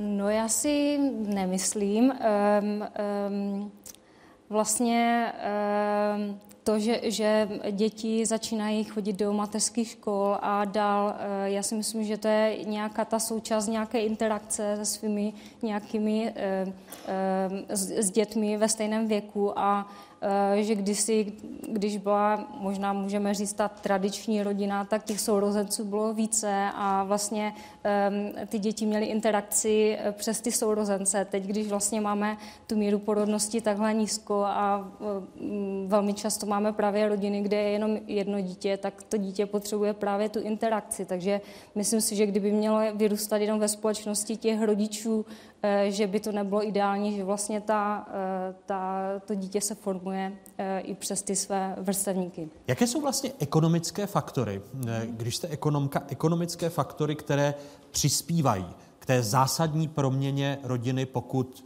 vy používáte slovo krize nebo ne? Já bych to nenazvala krizi. Tak proměny. Jsem proměny. Zůstaneme u slova proměny. Jaké jsou ty ekonomické hlavní faktory, které vidíte? Um, tak já si myslím, že, um, že vlastně uh, je, je hm, bych to řekla, eh, vlastně já vidím, že vlastně ženy, eh, postavení vlastně žen na trhu práce eh, se nějakým způsobem mění, že vlastně jsme svědky, jako v tom posledních nějakých 60-70 letech, kdy se vlastně postavení žen na trhu práce změnilo a žena vlastně je součástí čím dál více Eh, aktivit, že čím dál více svobodnější, když si byla závislá eh, na muži. A eh, myslím si, že tady ta rodina se proměňuje v tom smyslu, že vlastně oba, jak i muž, tak i žena, vlastně přispívají do, do toho společného nějakého rozpočtu a že oba vlastně jsou i na sobě čím dál více nezávislejší. A tady bych řekla, že možná dochází k nějakému, že vlastně eh, za dob socialismu eh, vlastně docházelo k nějakému eh, zrovnoprávnění té ženy nějak trošku zhora, jako to přes tu ideologii, když to ve světě, všude jinde na západě docházelo právě přes tu emancipaci a přes boj žen o své vlastní práva. A tady bych řekla, že dochází k nějakému trošku změn, k změně trendů v té společnosti, kdy dochází k návratu k těm více konzervativním hodnotám a i více konzervativním hodnotám i v té, i, i v té rodině. Kdybych ale namítl, že co se počtu dětí týče, zakládání rodiny, když jsme v kapitole Vše pro dítě, tak tomu tak není, protože eh, početí potomka je to, co je oddalováno, protože eh, ty rodiny jsou tvořeny dvou kariérovým manželstvím. Eh, ano, eh, paradoxně eh, vlastně existují i studie na to, že vlastně tím, jak máme prostě stát blahobyt a prodlužujeme rodičovskou dovolenou a myslíme si vlastně, že, že přispíváme k tomu, že ženy budou chtít více dětí, že paradoxně to má negativní vliv právě na porodnost a, ehm, a že vlastně v tom vyspělém světě eh, vidíme, že ty země, které mají právě ty další rodičovské a posílají ženy jako na, na ehm, další pauzu s, s dětmi, že vlastně ta porodnost tam je eh, jedna z nejmenších. Které eh, modely a které státy byste uvedla jako ty, mm k nímž bychom se měli přiblížit v tom dobrém slova smyslu a ze kterých si naopak příklad rozhodně nebrat. Eh, takže vlastně tam eh, opravdu ty rodinné politiky se liší napříč státy. Máme na, na jedné straně úplně extrém anglosaské země jako Spojené státy, kde vlastně není žádná rodičovská dovolená a vlastně ženy, když porodí, tak buď je si zvolí, že, že opravdu vypadnou a jsou, jsou doma Eh, s tím, že se vzdají té práce, anebo právě eh, eh, mají možnost najmout si chůvu a tak dále.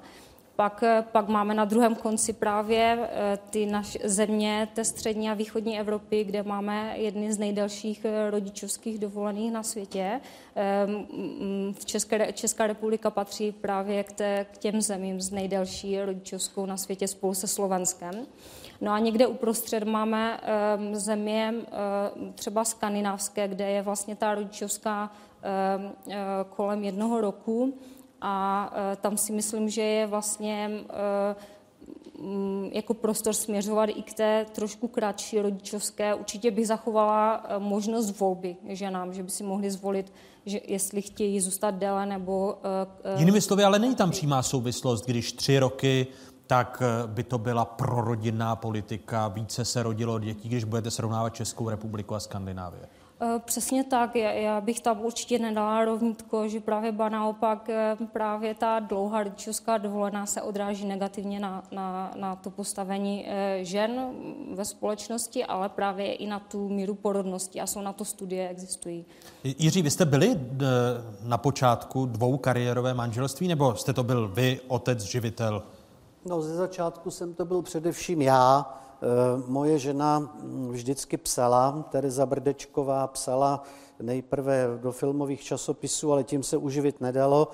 Já jsem jezdil po klubech, hrál, zpíval písničky, četl knížky na hlas, takový žertík, jako jste tady předvedl. No a tím se ku podivu nějaký peníze vydělat dali, takže já jsem byl ten, který se vydával na lov a nosil domů kořist. A doma čekala teda manželka, ale my jsme mm, s tím založením rodiny, tím se teda míní to, že člověk má dítě, tak se to říká, ale mně to nepřipadá správný. Mně se zdá, že rodina je založena tím, že se dva lidi rozhodnou spolu žít. A ať už si ten slib dají na věky v kostele nebo na radnici, nebo ať si to řeknou z očí do očí, tak zkrátka je tady určitá jednotka, která funguje jako vzájemná láska, pomoc a pak třeba do toho může přijít i to dítě. Takže bych s vámi nesouhlasil, ale slovo jednotka od textaře. Já jsem to tady Češ, někde slyšel. Češ, takže přejímáte slovo jednotka, pak už jen chybí slovo investice, které dáváme do stejné roviny s dítětem, protože pořízení si dítěte se v postmoderní době e, stalo investicí a to investicí s nejistou návratností, jak říkají ekonomové. Když se už pár rozhodne do té investice s nejistou návratností jít, eh, nemusí mít zdaleka vyhráno, jak uvidíte od Jaroslava Klimeše.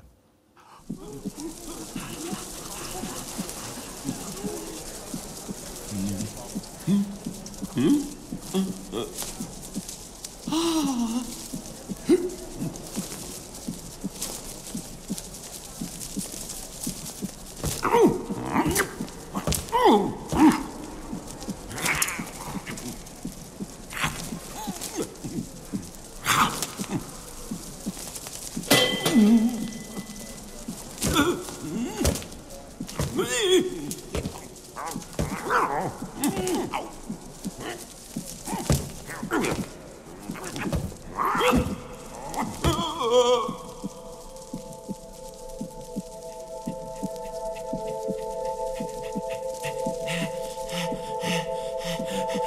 A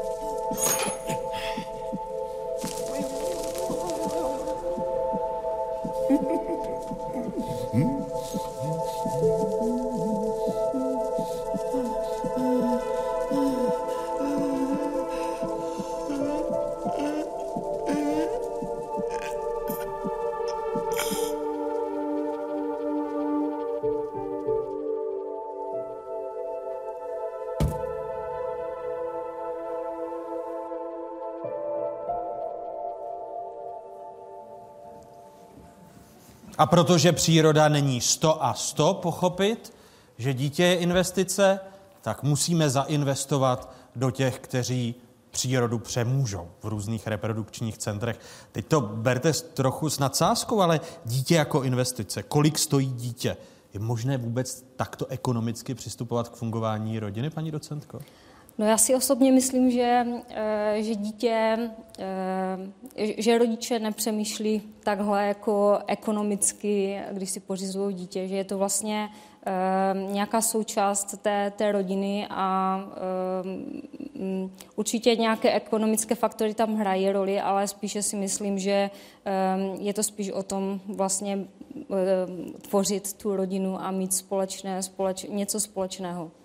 Mhm. Věč, většina těch bohatých západních zemí se potýká s nízkou porodností, eh, která už nestačí ani na přirozenou obnovu populace, pak jsme svědky všech těch důchodových reform eh, a stárnutí populace, tápání vlád s penzijními reformami. Eh, mají na té nízké porodnosti primárně vliv právě ty ekonomické faktory, nebo to jsou jiné, na které byste poukázala?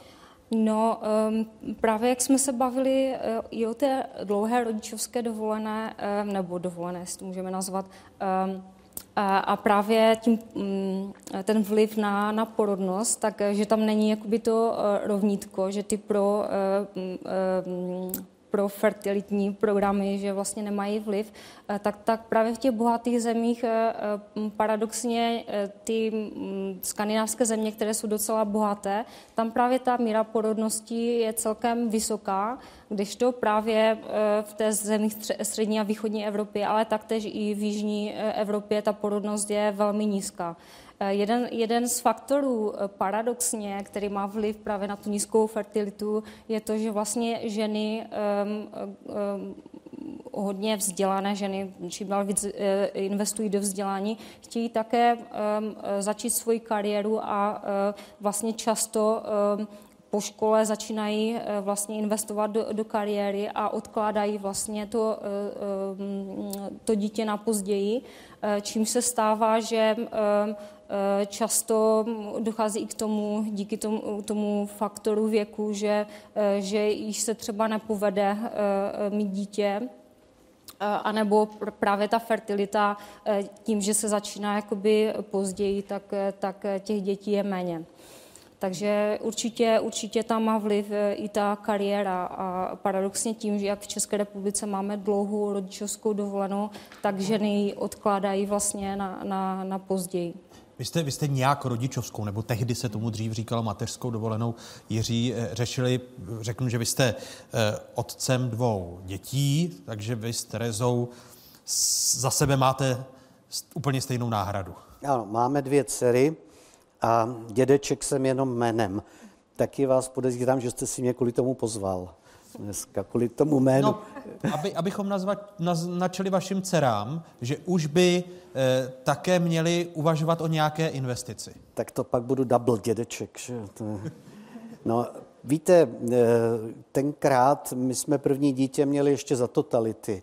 A to byla doba, kdy vlastně eh, to dítě se přijímalo jako opravdu plot lásky, protože většinou nebylo kde bydlet, nebylo kam se s tou eh, rodinou, s tou buňkou, teda budu říkat buňka, když ne jednotka, eh, tříčlenou najednou, kam se s ní vrtnout, stejně se muselo bydlet u rodičů, většinou způsobovalo to komplikace a většinou se vědělo, že když přijde dítě, končí legrace, končí studentský život.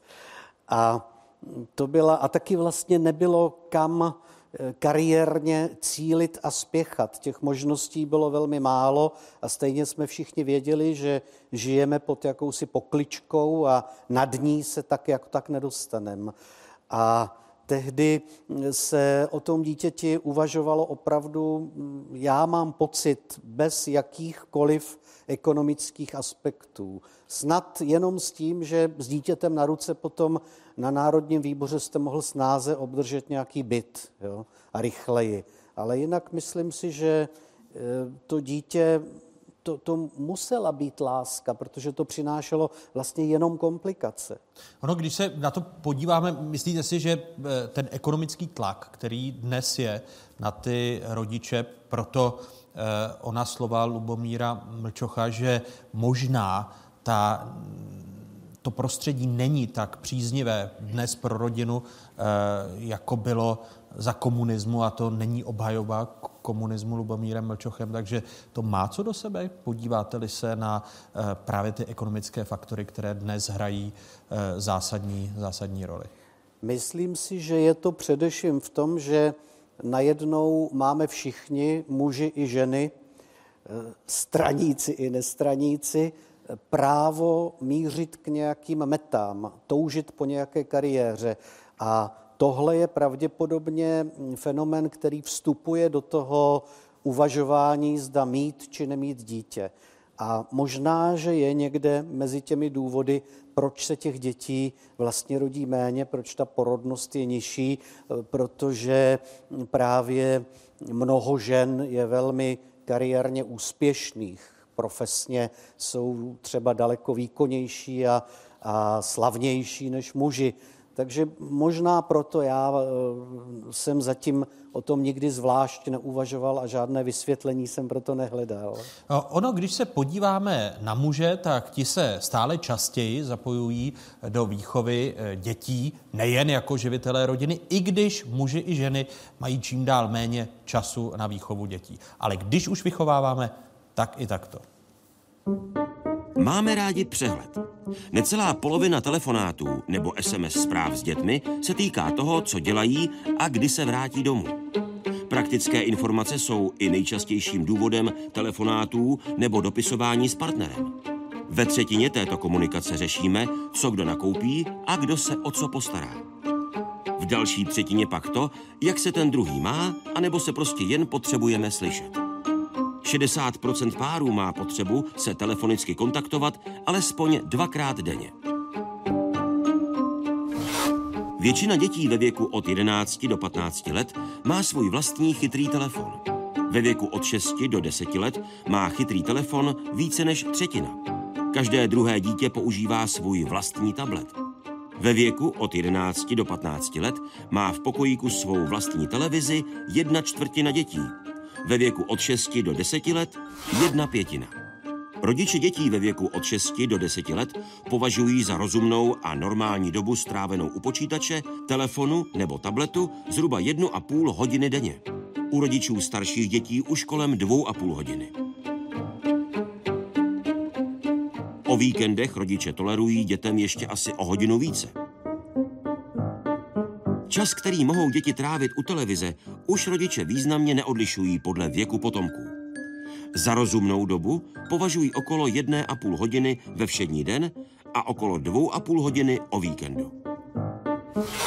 Data pocházejí z výzkumu agentury TNS ISA na reprezentativním vzorku více než pěti tisíc respondentů.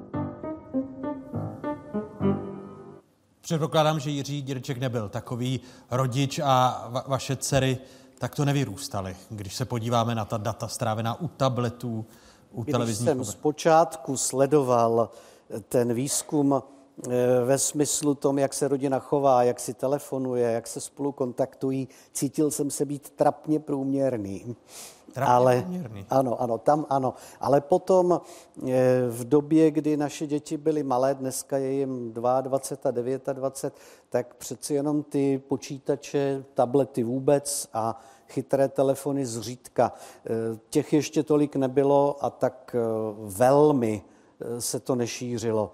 Ale musím se přiznat, že jsme děti vybavili poměrně brzy telefonem, právě abychom o nich měli přehled, samozřejmě. Eh, proměňuje nějak ta technologie, a vracím se k začátku na, našeho povídání, i obsah vašich textů pro děti, když jsem si eh, procházel ty vaše jednotlivé básničky, tak zvířátka to se nemění, na tom asi budou vyrůstat i dnešní děti, ale pronikání do těch problémů a toho světa dnešních dětí, který je takový, jaký jsme viděli? No tak nějakým způsobem se to samozřejmě někde projevuje. Mně sam napadají takové jako povrchní projevy. Víte třeba, že někde jsem ten mobil i pro ty děti eh, uchopil a stvárnil. Váleli se mobily, váleli se v obilí, čekali na své signály a ničeho se nebáli. Ale e, já zase nevím, jestli to ty děti až tak pobaví a rozesměje, jako třeba dospělé. No, kdybyste ty mobily umístili jinam než do obilí, protože nejdřív byste musel dát poznámku pod čarou, co je to vlastně obilí. Možná, no. Dneska řepka olejka.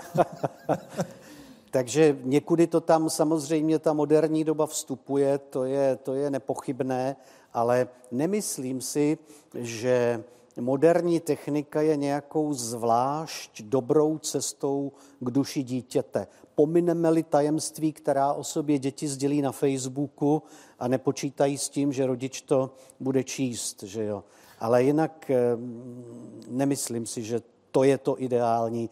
A velmi se mi líbilo procento lidí, kteří jsou schopni každý den s těmi dětmi promluvit, pohovořit. Mně to třeba trvalo velmi dlouho, ale dneska už jsme ve věku, kdy můžeme jít na pivo jo, a nad tím pivem si pohovořit.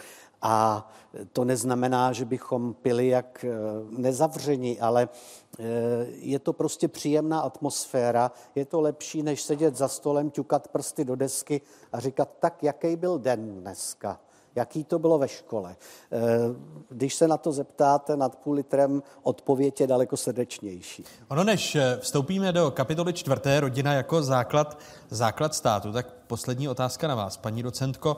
Eh, když sledujeme vyrovnávání se mužů a žen i v rámci ekonomického zajištění rodiny, Existují modely, kdy k tomu vyrovnání dojde, protože je tady i tlak na to, aby ženy vydělávali stejně, co muži, aby byla platová rovnost, což by možná také zajistilo lepší fungování těch rodin. Um, tak určitě um, je to jeden z nějakých jako cílů, že ty ženy jsou čím dál vzdělanější a vlastně momentálně máme mezi studentama více žen než mužů a takže tvoří velkou část uh, vzdělané pracovní síly. Eh, takže mm, mm, co se týče toho lidského kapitálu, tak ženy dosahují jako těch mužských kvalit a myslím si, že by tam nějakému vyrovnávání mělo docházet. Nicméně pořád na trhu práce eh, existují rozdíly ve mzdách eh, a oni jsou i hodně zapříčiněni právě tou, tou roli nebo tím mateřstvím, že opravdu ženy se ve většině případů jsou to ženy, které odcházejí na rodičovskou dovolenou a které se věnují, pak pečují o ty děti, vozí je na kroužky, když jsou děti nemocné, tak jsou to většinou ženy, které zůstávají eh, eh, s nima doma. A tím... Vy myslíte, že se nikdy nepodaří ty rozdíly, platové rozdíly překonat? Protože vždy to bude žena, která biologicky zkrátka je matkou. Eh, ano, je to biologicky eh, je žena matkou, nicméně já si myslím, že muži se čím dál více zapojují taky do té péče o děti a že čím dál více pomáhají i v domácnosti a tam i právě přes tento mechanismus eh, může docházet k nějakému většímu srovnávání a taky si myslím, že jeden z důvodů, proč v České republice existují celkem velké rozdíly na trhu práce, je i ta délka rodičovské dovolené, že opravdu žena odchází na tři nebo čtyři roky eh, eh, mimo trh práce eh, z důvodu narození dítěte. Představte si, že má dvě děti, tak je to na jednou 6 až 8 let a je to opravdu velká doba. Pokud by si mohla zvolit nějakou víc flexibilnější délku, nějakou kratší a anebo by část té rodičovské převzal muž, pak by docházelo k, k větší rovnováze. Ariola Pitlíková a Jiří Jireček. Děkuji zatím. Eh, mít tak dům plný dětí. Eh, od koho jste naposledy slyšeli takovou představu o úspěšném životě? Eh, Stojkovových z Bílovce je dohromady šest. Jsou šťastní a spokojení. A pozvali nás k sobě na návštěvu.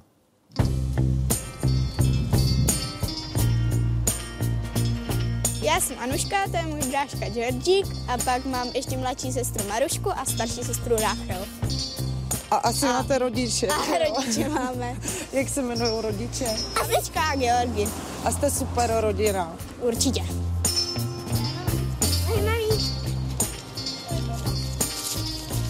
Když byla malá holka, představovala jsi si je jednou, až budu velká, tak já budu mít čtyři děti. Ne, to vůbec. Já jsem si spíš představovala, že nebudu mít nikdy žádné děti a žádného manžela. A pak začaly tlouct ty biologické hodiny a naštěstí jsme se setkali s Georgem ve stejném tlaku biologických hodin. a bylo to. A nejdřív jsme měli jedno dítě, pak jsme si k němu přáli druhé a ty další dvě, to už bylo takové jako překvapení. A pak, a pak jak jich máš čím dál víc, tak se stane taková věc, jako že jich chceš mít pořád ještě víc a ještě víc. Jako. Ale to už jsme si říkali, že už bychom se sem nevešli. A tak. A tatínek už by to pak měl moc těžký. Protože jsem s něma doma a zkoušeli jsme to, ale nefungovalo to. Abych chodila do práce a zároveň se starala o ně.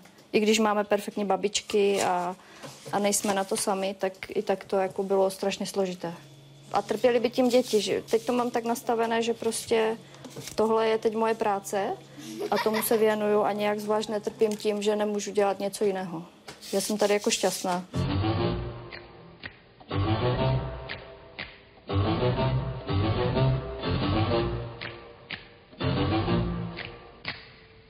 Spí Ráchel, tady spí Mela a tady spí Anuška. Je v takovém baráku s takovou velkou rodinou šance si najít nějaký prostor sám pro sebe?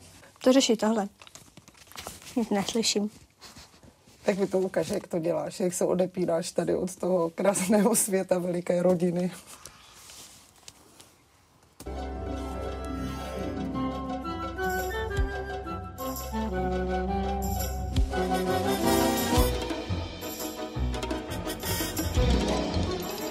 Tak co máte společného uh, se Simpsonama? Tak kromě počtu si myslím, že skoro všechno.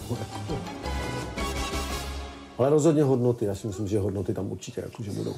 Myslím, že i ty záporné, i ty, i ty kladné. Mrdavě, musíš vyplaznout ten jazyk. Ten... Musíš dělat tak, že no, tak...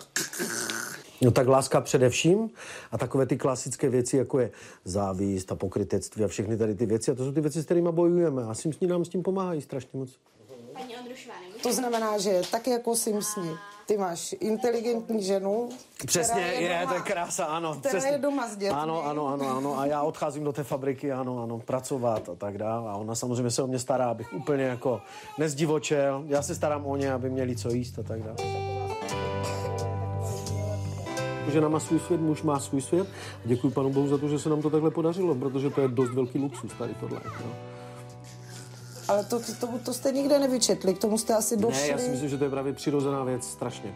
My tak strašně moc holdujeme takovým těm starým pravidlům, jako... To je to, co nás vlastně drží takhle pohromadě. Já myslím, že to tady jde vidět, jako, hodně.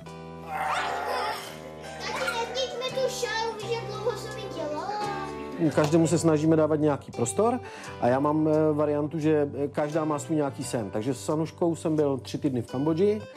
Eh, Ráchilka, ta nejstarší, která Kambodžu moc třeba nechce, tak má zase vysněný Londýn. Tak jsme, byli, tak jsme byli na týden v Londýně. Maruška ta zase touží po antice, tak jdeme teďka objevovat antiku.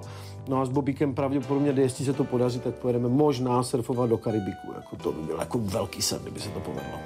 No a samozřejmě mezi tím maminku musíme s maminkou, jako samozřejmě někde. Jako. Ale maminka si ráda sama uteče s kamarádkama někde. Že všechno je, jak má být. Všechno je, jak má být, já jsem strašně spokojený.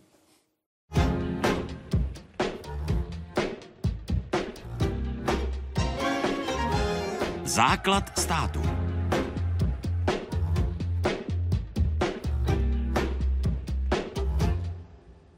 Vracíme se na, za, na začátek dnešního fokusu.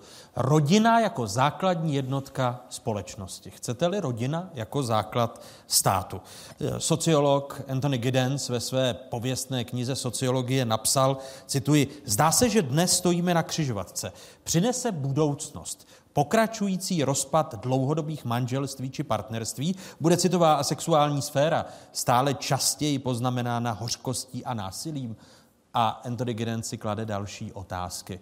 Eh, Kterou cestou se Martovo Hlídalová, když jste socioložka, vydáme řečeno těmi Giddensovými slovy? Tak když jsem socioložka, tak to neznamená, že mám nějakou skleněnou kouli a umím z ní věštit, ale uh, já bych řekla, já bych nebyla vůbec nějak negativní a navíc i Anthony Giddens v těch dalších pracích, vlastně on vůbec jako není tak negativní, jak jste to teďka přednesl. On mluví právě o tom, co jsem tady už zmiňovala, on mluví o tom, že rodina je takzvanou skořápkovou institucí, že zůstává, zůstává ten obal, ale mění se ten vnitřek, ten obsah. A to si myslím, že nás čeká, že ta rodina se bude dále měnit, tak jako se mění naše společnost, jako se mění jazyk, jaký mluvíme, ale nemyslím si, prostě mm, my nějakým způsobem tu rodinu potřebujeme. Potřebujeme udržovat blízké vztahy, intimní vztahy se svými, se svými blízkými. Je to pro nás strašně důležitá, uh, důležitý faktor pro utváření naší vnitřní identity. Potřebujeme rodinu, aby se z nás stávali lidé, aby, aby jsme mohli v té společnosti nějakým způsobem fungovat. Takže já vůbec nejsem nějaká mm, jako skeptická, co se týče budoucnosti rodiny, ale musíme se připravit prostě na to, že ty formy budou různé, že prostě různí lidé si budou volit různé formy rodiny, v které budou žít. A s tím by měli počítat i třeba rodinné politiky. A ty by se měly snažit právě podporovat lidi v jejich individuálních volbách v tom, aby mohli žít důstojným způsobem způsobem a nenutit jim nějakou prostě konkrétní formu, protože kdo vlastně rozhoduje, co je správné. Zatím ty rodinné politiky v tom eh, nefungují a že by reagovali na tu proměnu. No, eh, vlastně já jsem eh, členkou nějakých rad při Radě vlády pro rovné příležitosti, které se zabývají otázkou kombinace práce a rodičovství a dost často vlastně se tam naráží na to, jakou formu teda té rodiny chceme podporovat, nebo co teda vlastně chceme podporovat. A myslím si, že vlastně v momentě, kdy, kdy těm lidem jakoby podsunujete, jakým způsobem mají žít, takže to úplně jakoby nedělá dobrotu. A právě protože to vede k tomu, že potom nějakou tu formu eh, rodiny jako diskriminujete, eh, například vy třeba ty, ty eh, rodiny s homosexuálními jako partnery, proč by vlastně tyto rodiny třeba měly být nějakým způsobem jako diskriminovány? Ty rodiny tady existují, ať se nám to líbí nebo nelíbí, prostě tady jsou a vlastně proč, proč by prostě neměli mít stejná práva jako jiné rodiny? Pane profesore Maure, zasahoval nějak stát v minulosti do podpory rodiny, když na straně jedné politici mluví o prorodinné politice a západní civilizace e, trpí klesající porodností? No tak stát zasahoval eh, do rodiny ovšem v trošku jiném smyslu. Že To znamená, že stát ji postupně připravoval eh, o některé funkce, které kdysi v minulosti byly jejich funkcí základní. Že Třeba v minulosti rodina prakticky byla jediným prostředím, kde dítě bylo vychováváno. Že? A eh, do toho se od 18. století jaksi stát Eh, vlámal velmi eh, jaksi intenzivně že, a velmi brutálně. Že, to znamená povinná školní docházka, postupné rozšiřování počtu e, gramotných. Že. A na to navazovaly samozřejmě zase další vlivy. Jakmile tady byla společnost gramotná, přišly dětské časopisy, dětské knihy, něco, co nebylo předtím vůbec známo. Že? A prostřednictvím tím zase už byla vlastně ta rodina zbavována nebo zatlačována v té své výchovné výchovné funkci. Pak přišly dětské organizace, že jo, scouting, eh, turistické organizace, tělovýchovné organizace, ty všichni vlastně přebírají ty funkce rodiny. Že jo? Takže v tomto smyslu teda stát zasahoval velmi silně. Samozřejmě bylo tady také určité zákonodárství odedávna, od nepaměti, pokud jde o e, transfer majetku v rodině. Že to znamená právní systém, který velmi intenzivně zasahoval do toho prostředí rodiny, který jaksi v podstatě spoluurčoval nebo do značné míry vlastně formoval tu rodinu. Že? Takže takovýchto vlivů státních byla celá řada už velmi dávno. Eh, rodina jako skořápka, tedy mnoho variací, mnoho podob rodiny, Petře Šmolko. Eh, křižovatka a podle vás cesta, po které se vydáme? No, já bych se možná ještě vrátil trošku k něčemu, co tady nezaznělo. A to je to, že člověk je taky nějaká biologická bytost. Že? A přece jenom, ať to chceme nebo nechceme, tak když vezmeme vývoj živočišných druhů, tak člověk podle toho by byl eh, sice monogamní, ale takzvaně sériově monogamní. Že pro naší psychiku i biologické ústrojení a tak, je monogamie něco, čemu dáváme přednost. Až na to, že třeba ta monogamie je dočasná. A pak, jenomže tahle teorie má jednu slabinu, nebo dvě možná. Eh, prostředí pro děti, když se to moc mění, tak to příliš výhodné není. Eh, a hromadící se eh, kohorty osamělých žen, protože přece jenom u těch opakovaných vztahů většinou ti muži pak hledají ty eh, mladší partnerky. Ale jinak si myslím, že ono v rámci té skořápky existuje spousta různých mutací už dneska a eh, třeba ty takzvané rekonstituované rodiny. No to jsou rodiny, kde jsou děti z různých vztahů, pak se dohadují ti rodiče, jestli moje děti bí, tvoje děti, naše děti se na to pouze dívají a vy to ještě nepamatujete, ale bylo taky rekonstituované maso, jo? což bylo něco, co se nedalo vůbec jíst a možná, že ty rekonstituované rodiny eh, jsou přece jenom o něco chutnější, než bylo to maso. Eh, ale takže hm, těch mutací bude poměrně dost a když tady byla řeč o té prorodinné politice, já bych si nedělal velké iluze, že taková ta státní prorodinná politika něco zmůže proti eh, něčemu, co by se dalo nazvat nějakou společenskou atmosférou. Když tady zaznělo to eh, homosexuální páry, všechna práva. Ano, pokud bude ve společnosti eh, tolerantní postoj k homosexuálům, pak je to možné. Eh, když ministerstvo práce a paní ministrině dává dohromady různé představy o tom, jak by se rodiče měli střídat na rodičovské dovolené, jak je možný ji zkracovat a tak. Ano, proč by nemohli být muži na rodičovské dovolené? Je to, bavili jsme se tady s kolegyní o tom, je to teď asi 2%, což je relativně málo. Ale změní se společenské klima, možná jich přibude. Možná se tím setřou i ty rozdíly ve výši příjmů, protože zůstanou-li ti muži na mateřských nebo na rodičovských dovolených, tak eh, není důvod, proč by eh, měli mít vyšší příjmy. Pro výchovu dítěte by to bylo dobré, ta 2%, když se podíváte dnes?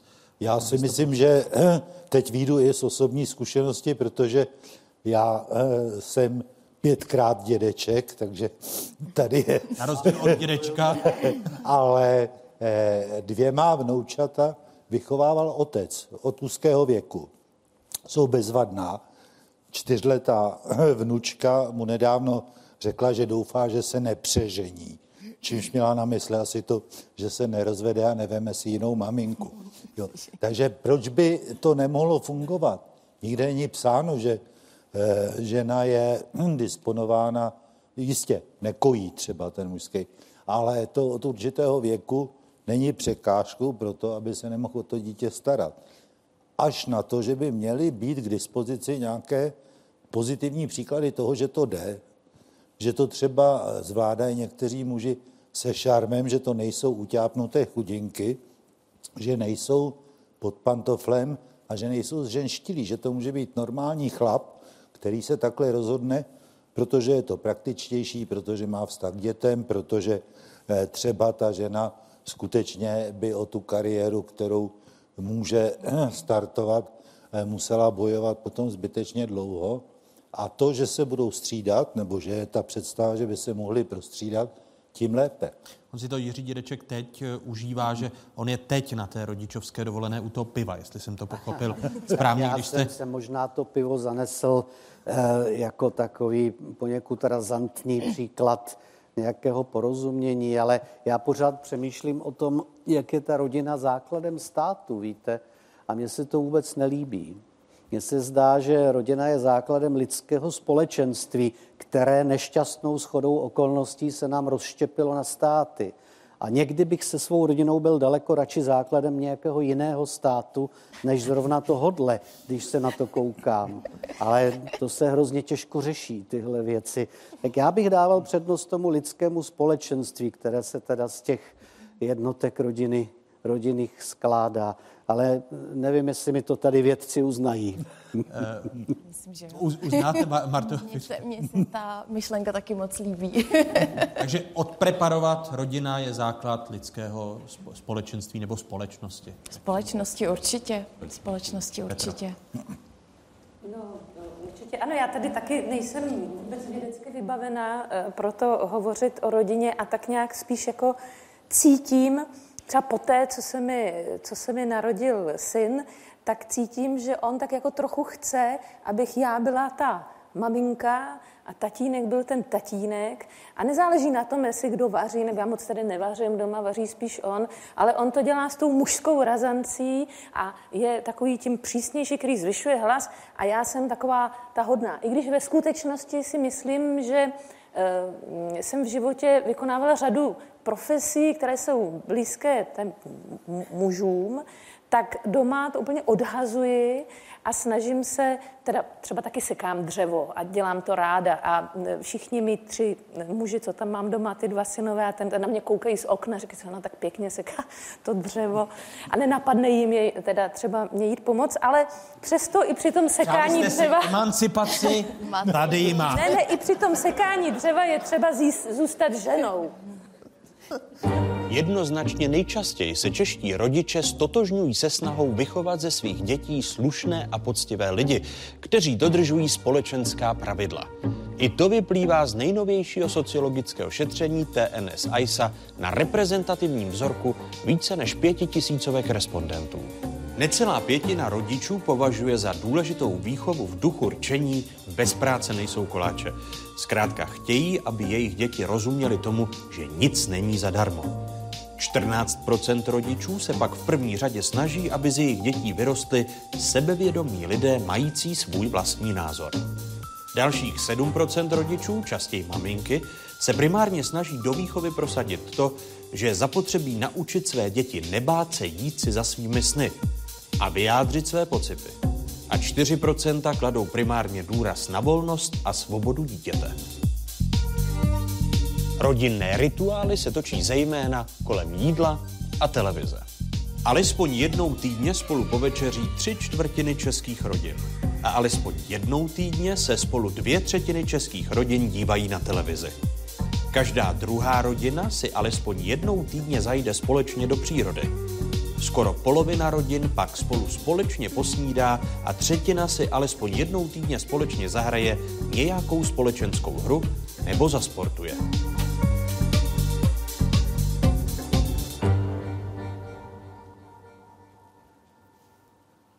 Žijeme tedy v individualizované společnosti. Myslíte si, že ta individualizace už dosáhla svého vrcholu, co se týče vztahu eh, k rodině a fungování jednotlivých jednotek?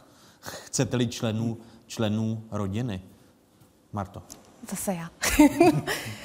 no, to právě kdybychom viděli, jakým způsobem se ta společnost bude vyvíjet, a to my prostě nevíme. Jako já bych řekla, že současná míra individualizace v tom západním kontextu, v kterém se pohybujeme, je velmi vysoká.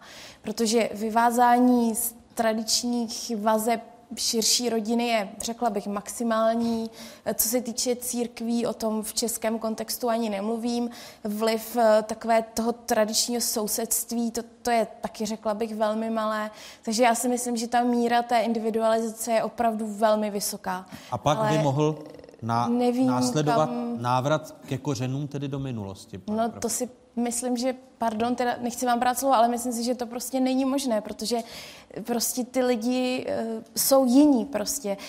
J, uh, současný člověk je úplně jiný než člověk v 19. století, kdy byla... Je to tak, že i, i ten člověk se z jisté doby může vrátit k některým, k některým modelům vysta tradiční rodina, která nebyla tak no, Já myslím, že nikdy se nemůže ne. plně vrátit, že může některé prvky se k ním vrátit, to možné je, ale jinak, jak si takové ty velké změny, které nastaly ve společnosti, byly velmi často jaksi motivovány návratem k minulosti, ale ve skutečnosti se z toho e, nakonec vyvinulo něco úplně jiného, že konkrétní případ třeba náboženská reformace, že i ten Hus a e, Chelčický nebo Luther si mysleli, že se vrací k prvotní církvi, ale ve skutečnosti založili úplně novou církev, mod, Luther zejména třeba moderní církev, která otvírala cestu například k rušení manželství rozvodem že jo, a tak dále. Jo, takže zrušení celibátu kněží a tak dále, takže to jaksi e, nikdy Eh, jak si ten návrat eh, nemůže být stoprocentní. A já bych souhlasil s tím, že my prostě nevíme, co bude. Že jo, my eh, vlastně ta rodina, tak jak dneska žije, a včetně tedy toho, řekněme, individualistického základu, je taky mimo jiné výsledkem tedy více než stoletého jaksi permanentního růstu té společnosti, ekonomického růstu, že, který je založen zase na, na spotřebě, neustále stoupající spotřebě. No, bude to dále pokračovat, nebo tohle zkrachuje a jak potom na to bude reagovat společnost, to prostě, ne, a teda konkrétně rodina, to je prostě těžko říct. Paní docent Kopitlíková, neomezené hranice růstu ekonomického. No, tak já si myslím, že jsou omezené samozřejmě a uh, souhlasím s tím, že, že opravdu nemůžeme se uh, zaměřovat jenom na nějaký ten růst a že vlastně tady je nějaký prostor právě, který souvisí s tou, s tou rodinou k nějaké občanské společnosti a nějakému vývoji trošku jiným směrem. Mhm. Dě, děkuji mnohokrát. Mariola Pitlíková, ekonomka a další hosté Fokusu. Petra Procházková, novinářka, eh, psycholog, manželský poradce Petr Šmolka, socioložka Marta Vohlídalová, eh, básník, spisovatel, textař Jiří Dědeček a historik Eduard Mauer. Děkuji, že jste byli hosty Fokusu, že jste s námi listovali čtyřmi kapitolami, eh, v nich jsme se ptali na proměnu rodiny a její budoucnost. Těším se někdy příště na shledanou. Děkuji. Děkujeme. Děkuji skvělému publiku. Dnes dvěma pražským gymnázím, konkrétně gymnáziu profesora Jana Patočky a gymnáziu na Zatlance. A děkuji mým hrdinům, tedy dětem, tetám a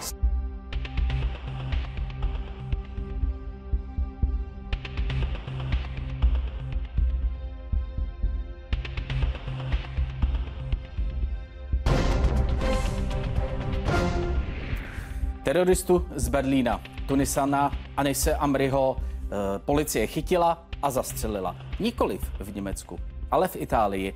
A jak všechno naznačuje, tak do této země se dostal přes Francii.